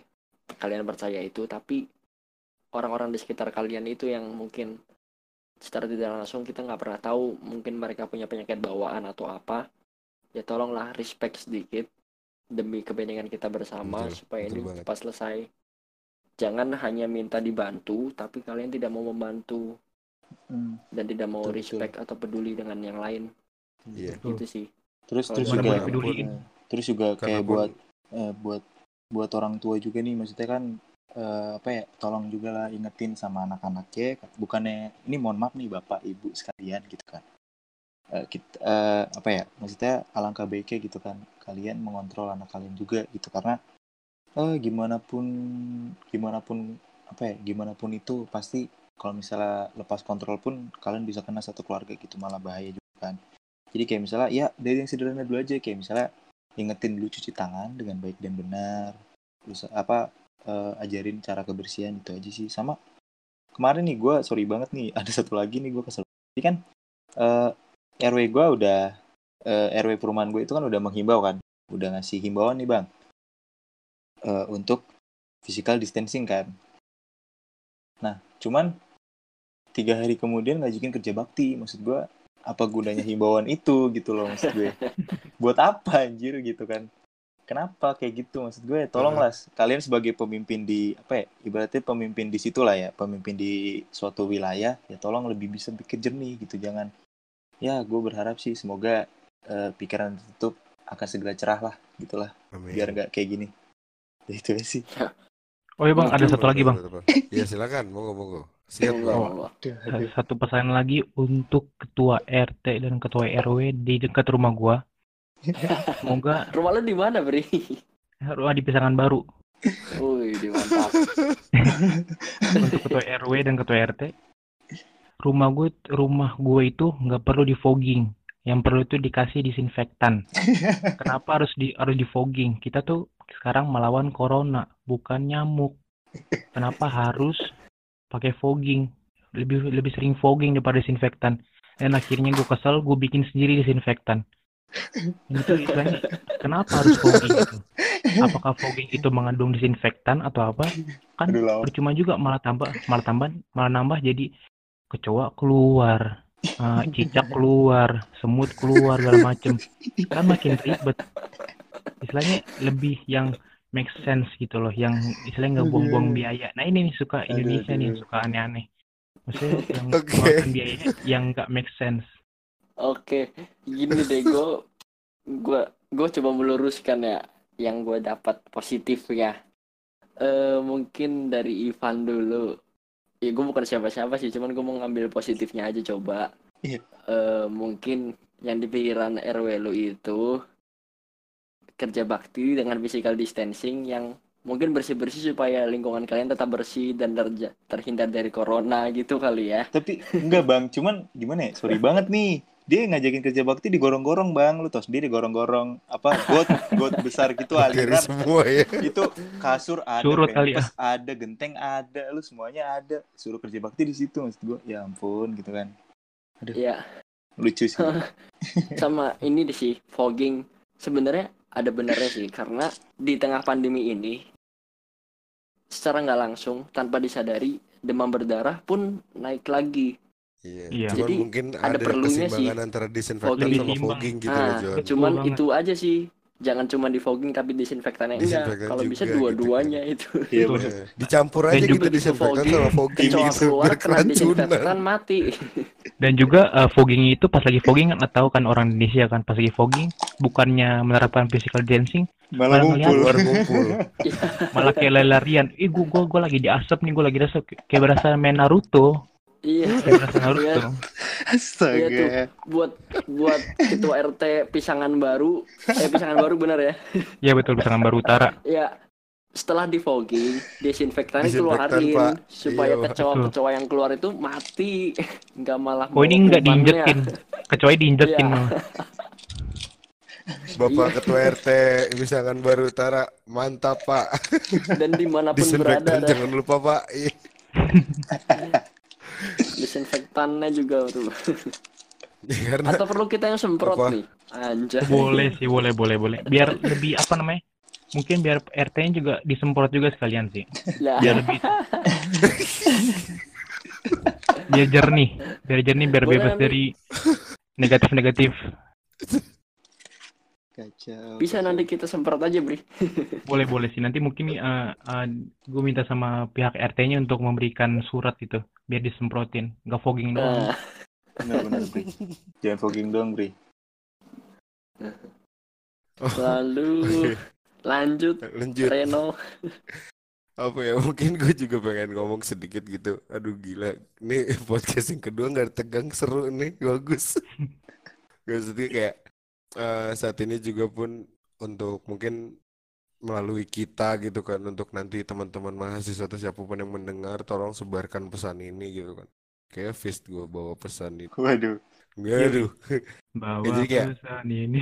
Tolong, ding ding. kita apa namanya sebarkan pesan ke teman-teman lain ke keluarga ke mana pun untuk tetap menerapkan physical distancing juga stay at home dan berada karena eh itu sebenarnya adalah salah satu wujud terbesar ya impact terbesarnya adalah kalian secara tidak langsung sudah membantu para garda terdepan saat ini yaitu relawan-relawan COVID dan juga para tenaga-tenaga medis sebagai pintu Betul terakhir betul. dari penanganan COVID ini untuk meringankan tugas mereka dan juga secara tidak langsung kalian pun juga sudah memanusiakan manusia dengan stay at home gitu loh jangan ya maksudnya gini gue paham mungkin beberapa dari kita atau banyak dari kita pasti yang bosen yang gimana gitu kan. Tapi kalau untuk sengaja pergi ke mall belanja ataupun makan di mall apa segala macam please masih ada ojek online yang bisa juga kalian manusiakan dengan belanja melalui mereka dengan pesan makanan melalui mereka. Betul kata Brian tadi gitu kan. Itu akan Betul, betul. simbiosis mutualismenya akan jalan kalian Betul mau makan apa pesannya lewat ojek online gitu kan? Kalian mau kalian mau belanja apa pakai ojek online gitu? Dan itu kalian secara tidak langsung memanusiakan ojek online tersebut membantu mereka untuk bisa makan. Kalian juga stay di rumah untuk membantu tenaga medis dan para relawan bekerja di tempatnya. Itu sudah sangat amat wise menurut gue sangat amat bijak itu untuk untuk dilakukan tapi karena masih banyak mungkin di luar sana yang memaksakan kehendak untuk nongkrong sekedar gitar-gitaran ngerokok ngopi atau ngerumpi atau gibah atau apa pun itu nanti dulu men kalau gibah memang harus dilakukan bareng-bareng cobalah gibah online gitu kan Betul. Itu lebih kalau seru. misalkan kalau kalian harus gitar-gitaran nyanyi-nyanyi bareng-bareng sama teman-teman men cobalah kolaborasi dari jauh gitu kan Betul banyak banget. sekarang gitu banyak sebenarnya gini online ini disediakan untuk memudahkan kalian jangan Betul. ketika online ini disediakan kalian mau nyari yang susah dan mematikan begitu loh maksud gue Betul, betul. jadi ya bahkan eh, mungkin sharing sedikit gue pun eh, gue pun juga tergabung di dalam satuan gugus tugas penanganan Oh, percepatan iya tuh. penanganan covid begitu kan Salut tuh. kami pun di dalam sana kita menerapkan physical distancing dan bahkan ibarat kata ya meskipun kita masih dalam satu divisi satu gedung bekerja di sana untuk menangani covid kita tetap melakukan rapat lewat zoom. Kita nggak ngumpul satu ruangan untuk rapat rame-rame enggak kita dibagi ke beberapa ruangan untuk rapat.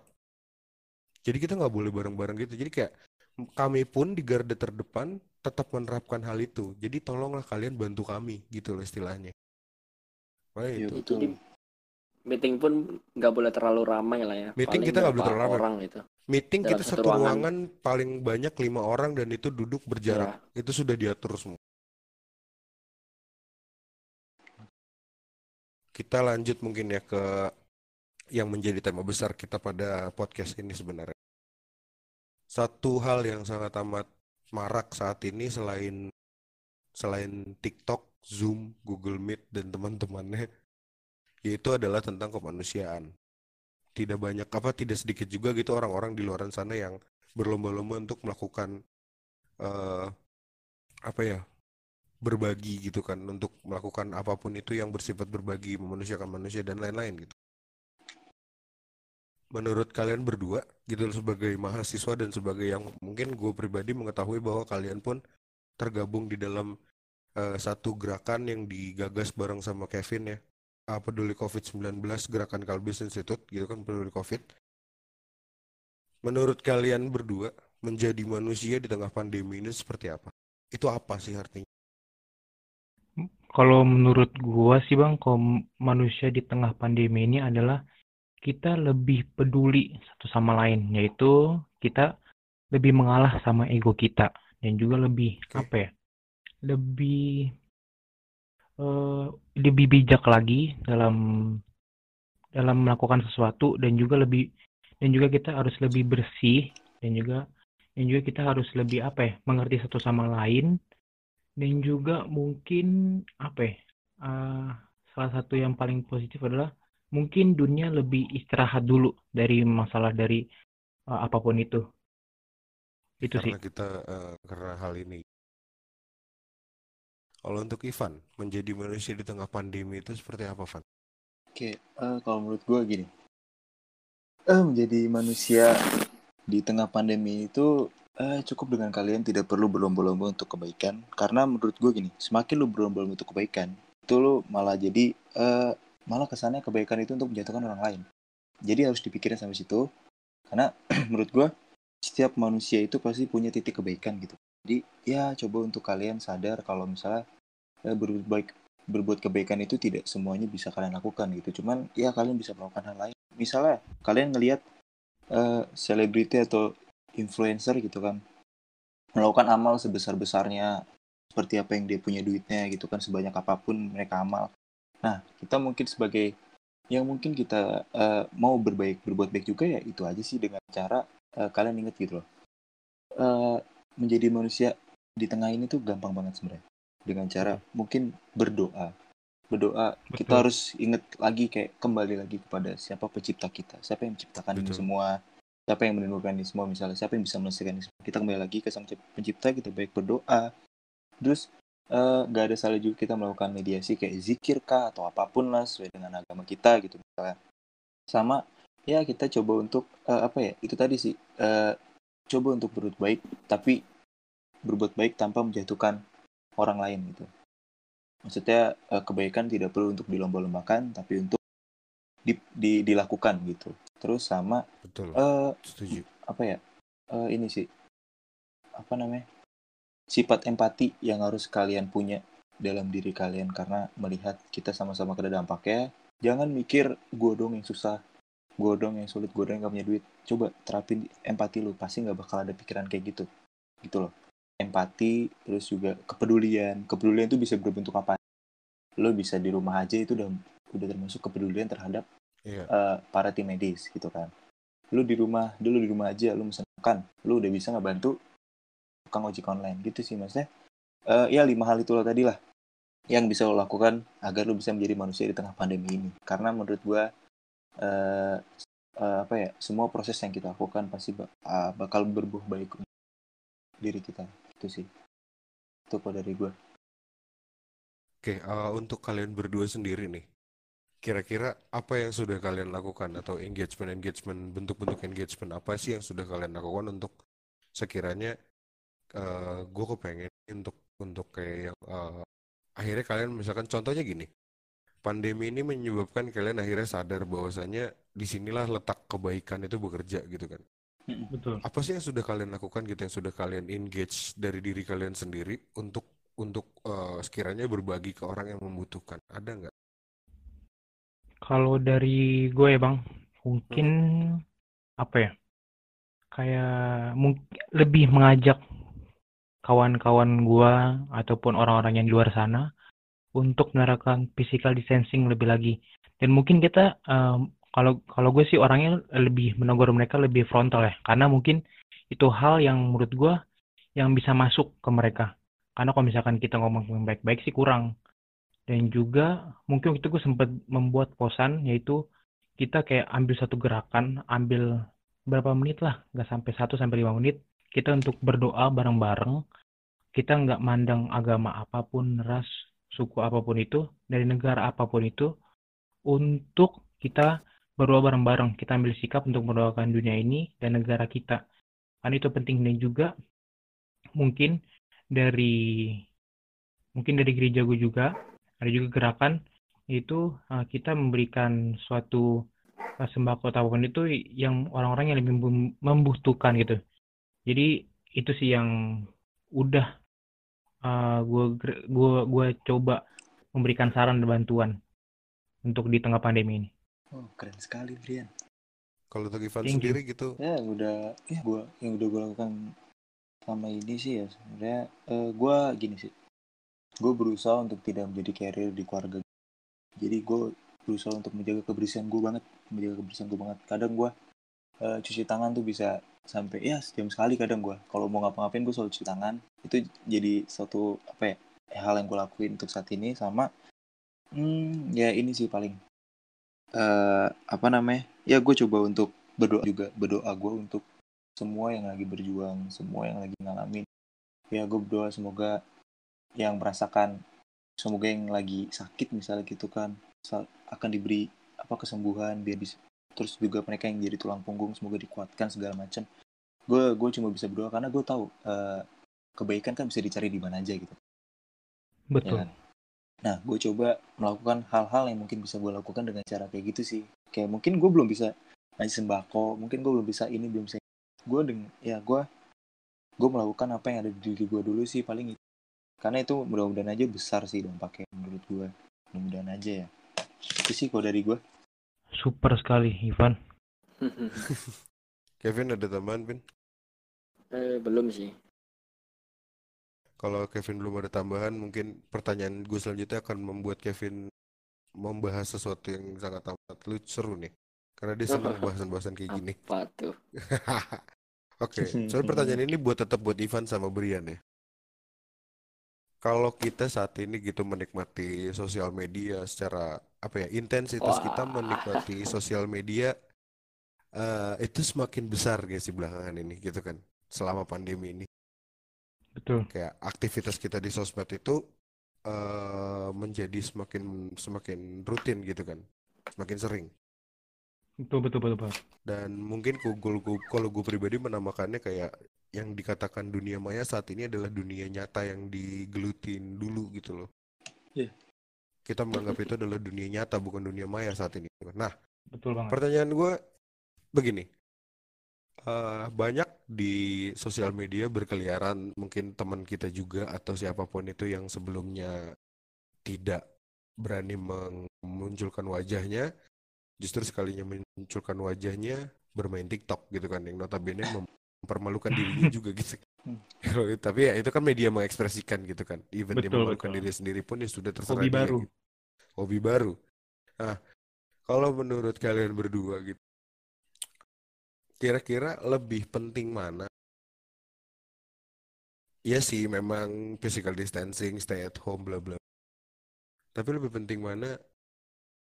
Main TikTok atau uh, menebar kebaikan dengan memposting hal-hal yang berbau campaign tentang physical distancing misalkan atau apa?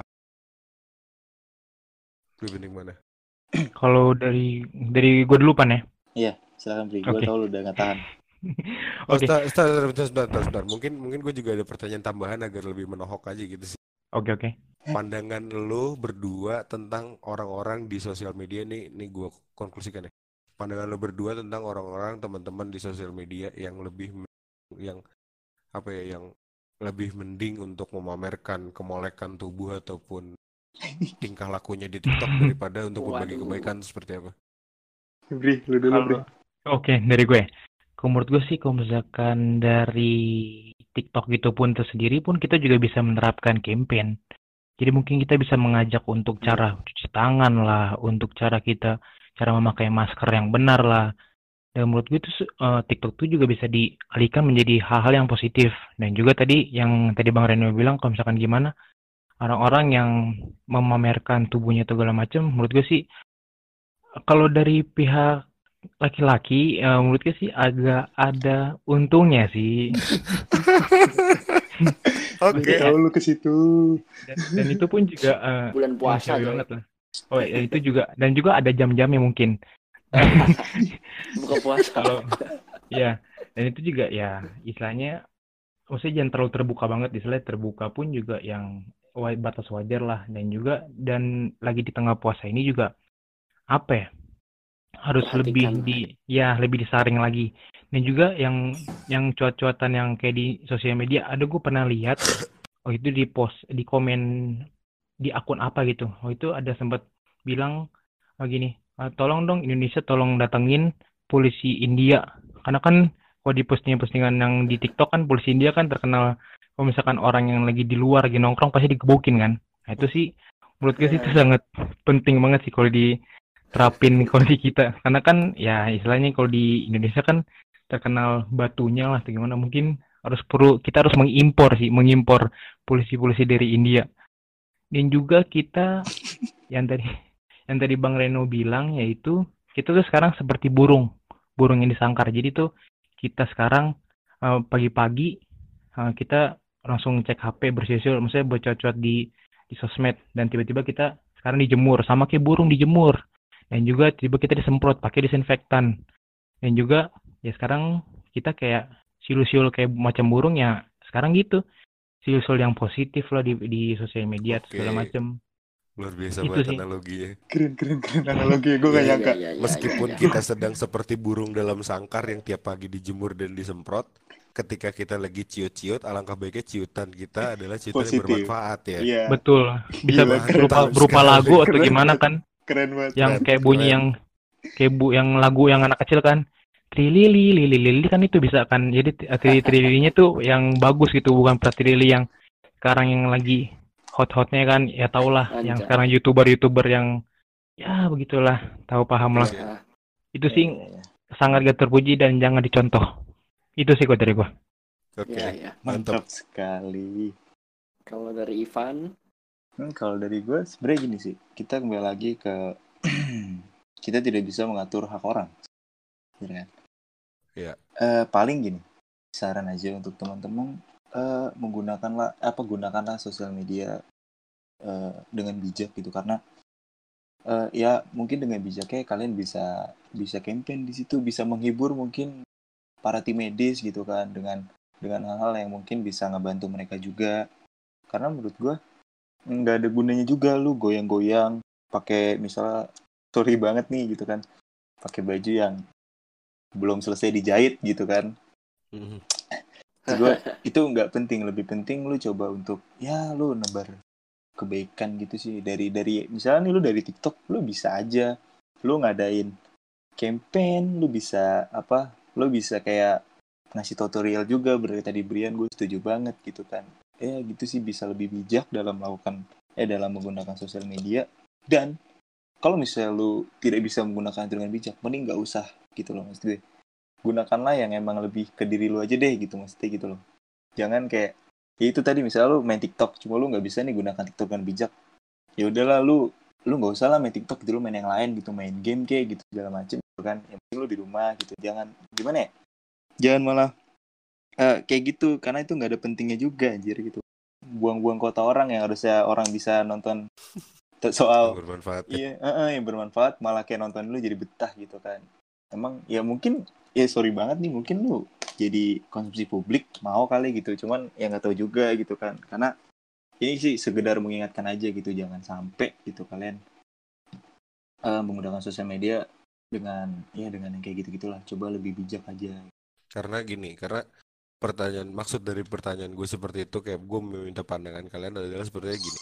Ah, Satu hal yang tidak disadari oleh kita di masa pandemi ini dan akhirnya gue menyadari, entah mungkin Hmm. kalian atau teman-teman yang lain pun ada beberapa menyadari bahwasanya gini.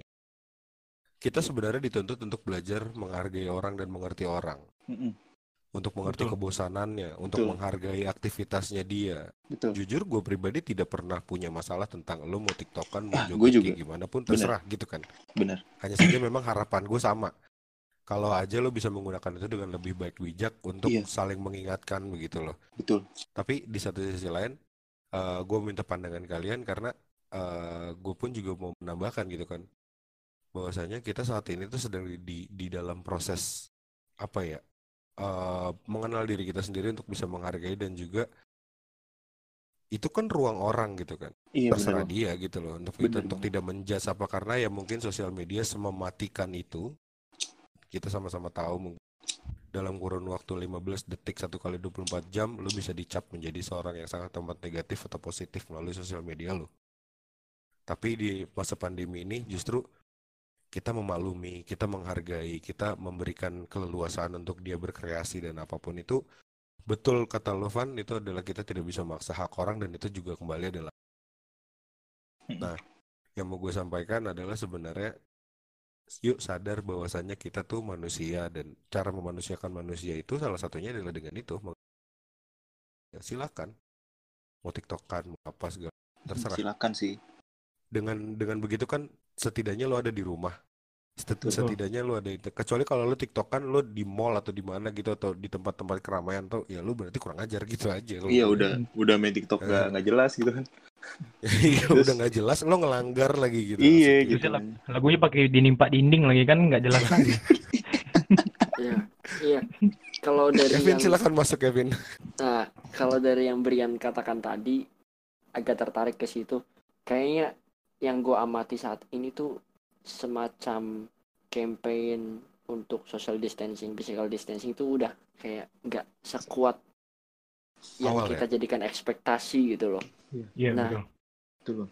Saya, tapi yang terjadi adalah ya kita secara tidak langsung memicu negara berbuat represif. Ya kayak polisi India itu.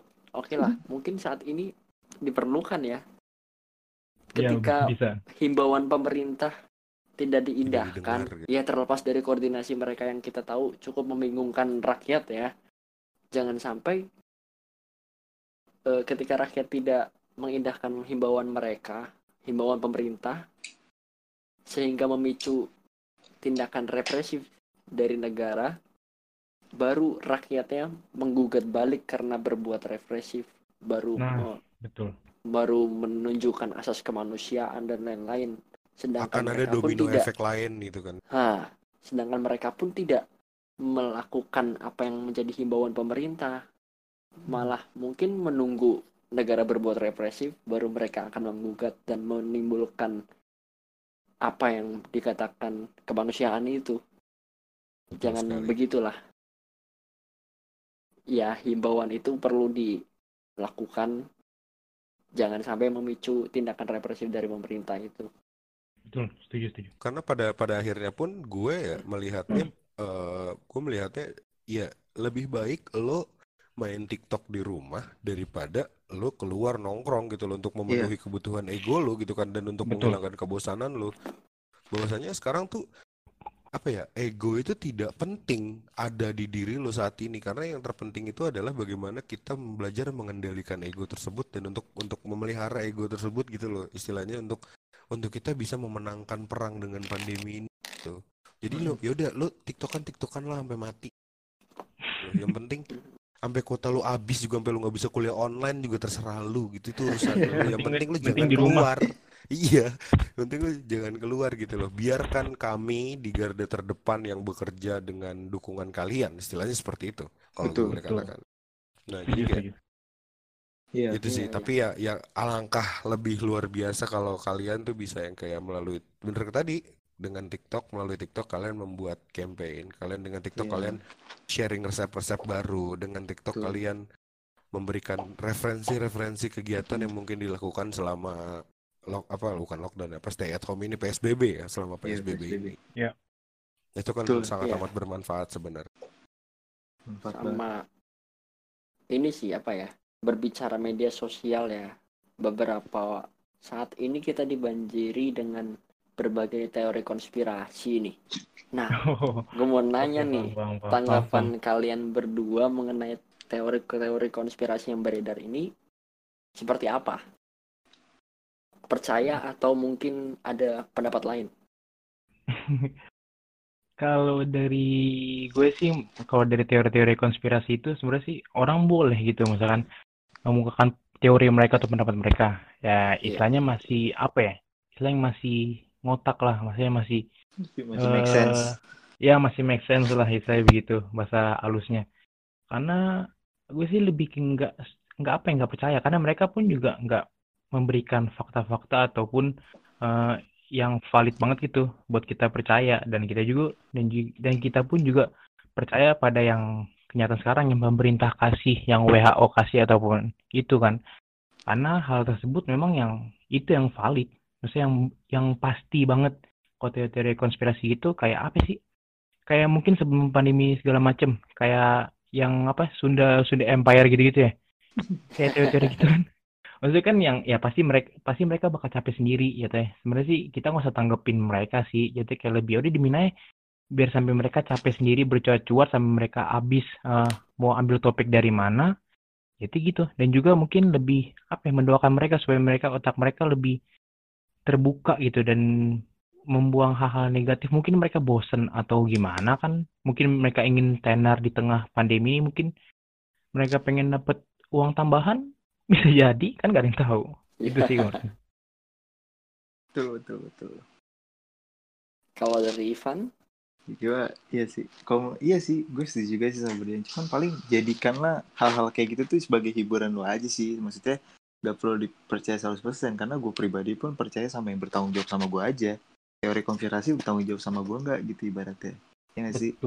Gue lebih ya, ya. ya gue lebih mengacu pada udah yang tanggung jawab sama gue aja pemerintah tim medis ya udah gue percaya sama mereka aja gitu karena mereka yang bertanggung jawab atas kita semua gitu teori konspirasi mah udah anggap aja sebuah hiburan dan paling bisa kita ambil kayak pelajar oh mungkin iya kali ya udah kita kita hindarin ini deh hindarin. mungkin kayak gitu sih kalau menurut gue itu sih iya, iya. Uh-uh. oh mungkin ada orang yang masih nggak waras ya di tengah pandemi ini ya ternyata masih iya. ada kan oke okay. iya kalau gue sih masih agak percaya sih ya Iya. Gue masih percaya. Cuman untuk saat ini mungkin alangkah lebih baiknya kita sama-sama memerangi COVID-nya dulu. Iya benar. Baru setelah itu mereka mau menggugat pihak-pihak yang menurut mereka menimbulkan konspirasi itu, hmm. ya terserah gitu loh. Tapi ya untuk saat ini mungkin kita lebih baik uh, memerangi COVID-nya dulu, baru memerangi apa yang menjadi konspirasi itu. Betul. Benar benar. Betul. Itu sih. Itu uh. sih ya percaya nggak percaya juga sih yeah.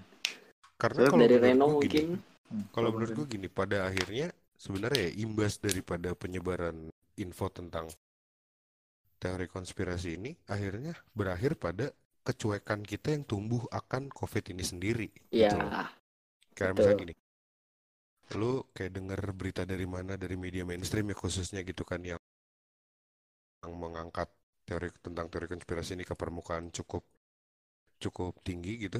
Akhirnya lo mengkonsumsi itu dan akhirnya lo mengamini hal itu dan akhirnya kayak merasa oh ternyata covid ini konspirasi. Ah mungkin covid ini aku mungkin covid ini begitu atau ABCD banyak. Akhirnya ya udahlah gue nongkrong aja orang gue cuma dikonspirasiin doang sama orang. Apa gue jadi bodoh amat yeah. gitu nah itu. itu bahaya sekali sebenarnya. Bahaya bahaya itu banget. sih yang nggak disadari yeah. dan mungkin untuk mainstream media juga jangan terlalu menunjukkan apa yang membuat kepanikan saja tapi lebih ke ya bagaimana cara mereka untuk menenangkan sih ya. Iya betul. Benar-benar.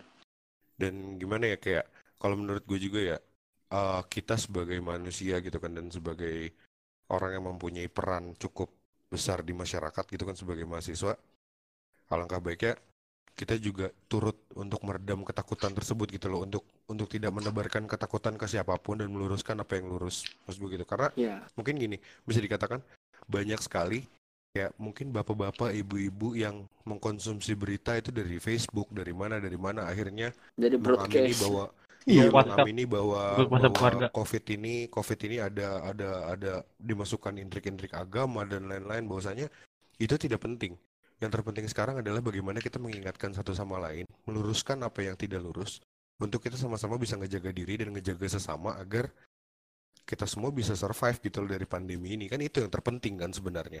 Betul, Bang. Iya, itu ya. sih. Iya. Betul banget. Ya waspada baik, tapi tetap jangan panik sih. Betul banget. Betul Karena kalau panik juga imbasnya ke mana-mana kita pendek buying dan lain-lain nimbun sembako aduh Aduh, jangan deh itu kayak gitu. Iya. Itu adalah tindak paling jahat sih yang pernah gue lihat Iya. di awal-awal pandemi berlangsung ya. Iya, iya benar. Iya nggak ya nggak apa-apa sih nimbun sembako tapi habis itu dibagi-bagiin nggak masalah itu. Betul. Iya, betul. Apalagi yang orang-orang yang cuman belanja pakai APD, dan itu menurut gue sih nggak an- Wah. aneh. Berasa kayak monster itu. Oke lanjut Reno. Em, mungkin itu sih yang tadi sesuai dengan pembahasan kita itu kan di segmen yang kedua ini. Mungkin kita juga sudah memasuki penghujung pembahasan gitu kan. Selanjutnya yang kepengen gua tahu dari Ivan dan juga dari Brian adalah eh, pesan-pesan dari kalian untuk teman-teman di luar sana, khususnya teman-teman terdekat mahasiswa atau siapa pun, pesan-pesan dari kalian yang sekiranya bisa disampaikan sebagai pengingat bahwa kita itu adalah manusia yang seharusnya memanusiakan manusia begitu kan? Dan khususnya kembali ke tema kita yang di mana menjadi manusia di tengah pandemi apa sih pesan kalian gitu loh untuk teman-teman yang sedang menjalani social distancing, physical distancing ini? Untuk apa ya? Untuk tetap sepakat dan untuk tetap bisa menjalaninya dengan ya sekiranya nggak ada rasa bosan atau gimana dan untuk terlebih juga gini gue kepengen minta kalian nanti mengutarakan juga eh, pesan-pesan kalian atau kesan kalian terserah apa pun itu untuk para tim medis dan para relawan lah yang sedang berjuang juga di garda terdepan saat ini Oke, oke, Bang. Eh, pesan dari gua buat teman-teman mahasiswa dan ya, terus jangan gampang kemakan hoax, jangan gampang kemakan provokator karena eh, banyak eh, apa ya? Banyak juga sih orang yang memanfaatkan kondisi seperti ini gitu maksudnya. Kita sebagaimana yang mungkin mahasiswa atau teman-teman atau anak muda yang bisa lebih ngontrol keadaan sekarang jangan pernah terus juga hmm, jangan kurang-kurangin lah nongkrong ya maksud gue eh, nongkrong itu bisa kapan lah gitu maksud gue lu nggak bak Hmm. ya walaupun misalnya apa apa lu takut mati atau apa ya lu kalau nongkrong juga ntar juga kena gue ya lebih baik menghindar lah daripada lu masuk ke lubang yang emang risikonya udah udah tahu banget lu gitu kan sama Oke. coba banyak-banyakin mengkonsumsi informasi-informasi yang valid eh, kayak berita mungkin atau eh, ya yang menurut lu terpercaya gitu kan dan lu mencari tahu kayak dampaknya seperti apa terus resikonya seperti apa terus gejala-gejala seperti apa itu lu penting banget tahu buat teman-teman tuh kan terus ya semoga virus covid cepat hilang ya Amin. dan eh, dan semoga untuk Amin. untuk pasien yang terkena dampak virus ini diberikan kesembuhan. Semoga Amin, ya Allah. Semoga eh, Lebaran bisa dibanjiri dengan senyuman manis dari semua orang dan Amin. keluarga gitu kan. Amin, ya Allah. Hmm, Amin amin amin. Dan semoga juga eh, apa namanya untuk para tim medis ya, Hmm. para tim medis terus kuat gitu kan. Kalian adalah pahlawan nomor satu bagi negara ini, bagi bagi masyarakat Indonesia. Semoga selalu diberikan kesehatan dan Amin. semoga eh, bisa bertemu dengan ayah, ibu, dan keluarga, bisa berpelukan dengan penuh kasih sayang. Semoga Amin, ya kalian Allah. bisa meng- berhasil menghancurkan musibah ini. Kita bakal bisa bantu. Kita bantu dengan cara physical distancing, physical distancing dan di rumah aja. Semoga. Amin. Dan satu lagi ya, Amin. semoga semoga 2020 akan indah lah. Dan jangan jangan Amin. takut untuk apa ya? Lah jangan takut atas proses lah gitu kan. Proses yang kita lakukan ini ya pasti bakal ada hikmahnya masing-masing gitu kan dan eh ya untuk mengakhiri ini juga ya dari gue pribadi maafkan semua kesalahan gue keliruan gue juga maafkan lisan dan semoga masih diizinkan untuk memperbaikinya semoga bisa bertemu dan berpelukan dengan erat gitu aja sih kok dari gue Amin, ya Allah. Amin amin. Oke. Ada lagi? Brian? Oke, kalau dari gue sih bang mungkin apa ya? Lebih untuk berpesan pada semuanya, mungkin lebih mengindahkan, eh mengindahkan apa ya? apa yang dikatakan oleh pemerintah dan juga lebih menganggap pandemi ini bukan sebagai hal yang negatif, tapi mungkin ada hikmah dari pandemi tersebut dan juga um, kita apa ya lebih meng, apa ya mengalahkan keegoisan kita. Mungkin kita bisa mengalih mengalihkan itu lewat dari hal-hal yang positif. Hal-hal yang membuat kita lebih um, memanusiakan di tengah pandemi ini gitu. Dan juga okay. apa ya untuk um, pesan-pesan pak untuk para tenaga medis sangat berterima kasih sekali. Semoga kalian selalu dilindungi semoga kalian selalu diberkati dalam hal apa pun Amin. dan selalu semangat dan juga jangan pantang menyerah dan juga selalu untuk selalu tersenyum apa pun yang kalian lakukan dan juga mungkin untuk para yang sedang uh, terkena COVID juga mungkin kalian harus tetap semangat, sabar, dan juga selalu jaga kondisi kalian. Dan juga um, semoga kalian selalu sehat dan juga selalu mengindahkan apa pun hal yang positif untuk kalian. Dan juga uh, untuk kali ini mungkin bagi yang ingin mudik atau pulang kampung, mohon jangan pulang kampung dulu atau ke mana pun dulu karena untuk kebaikan kita bersama. Karena lewat hal tersebut kita bisa menjadi uh, pahlawan bagi bagi keluarga, kita, kita. ya keluarga kita bangsa kita maupun negara kita. Karena itu sangat penting banget. Karena kalau misalnya kita nggak memindahkan hal tersebut dan kita masih uh, egois ya ini nggak bakal kelar. Dan bisa juga bakal bertahan lama. Dan itu juga salah kalian juga. Jadi ya dan juga kalian harus lebih apa ya bijak. Dan juga lebih berpikir positif dan jernih dalam melakukan hal apa pun itu. Itu sih kalau dari pesan pesannya oke okay. mungkin mungkin ada yang mau diucapkan sekitar Oke, lanjut aja Reno. Oke. Um, mungkin cukup ya pembahasan kita di episode kedua ini. Oke. Uh, okay, terima kasih untuk Ivan dan juga Brian atas pesan-pesan tadi dan segala Sama-sama, Semoga Tuhan mendengarkan doa kita. Kesimpulan daripada podcast kita di episode kedua ini adalah kembali lagi harapan terbesar bagi kami mahasiswa adalah tetap untuk adanya kebijakan dari pihak kampus agar segala sesuatunya yang buruk terhindar, yang baik bisa kita terima untuk kebaikan bersama juga, begitu kan? Dan juga kepada teman-teman di luar sana, yuk mari kita uh, meningkatkan lagi sisi kemanusiaan kita dan juga kita untuk berbuat baik dari hal-hal kecil utamanya bagaimana kita bisa memanusiakan manusia dan juga selalu menerapkan paham memanusiakan manusia itu di mana pun kita berada tidak hanya selama pandemi namun juga nanti setelah pandemi ini selesai. Dan kapan pun itu di mana pun kalian berada semoga tetap selalu bisa memanusiakan manusia. Itu karena uh, kita adalah manusia permasalahan terbesar kita adalah menjadi manusia dan pandemi ini adalah fase terbaik kita untuk belajar menjadi manusia sebenarnya uh, mungkin Kevin ada yang mau ditambahkan Cukup Reno. Oke. Okay. Kalau begitu, terima kasih banyak untuk yang sudah mendengarkan.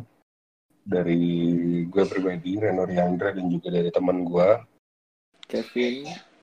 Ya, kita berdua mau pamit undur diri. Terima kasih banyak juga untuk Brian dan juga Ivan atas waktunya. Terima kasih. Terima kasih. Sehat bang. selalu. Terima kasih untuk Kevin. Bisa share. Sama. Sehat selalu di mana pun kalian berada. Amin, amin, stay amin, safe, stay healthy. Lu juga, Bang. Ya, sama-sama terima kasih.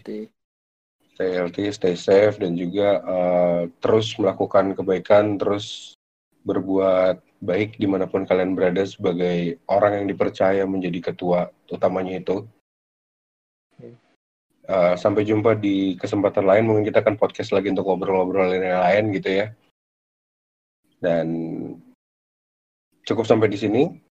Saya Reno dan juga teman saya Kevin pamit undur diri. Sampai jumpa di podcast kita di episode ketiga nanti dengan pembahasan yang lebih lebih tajam lagi. Tajam dan mendalam sih.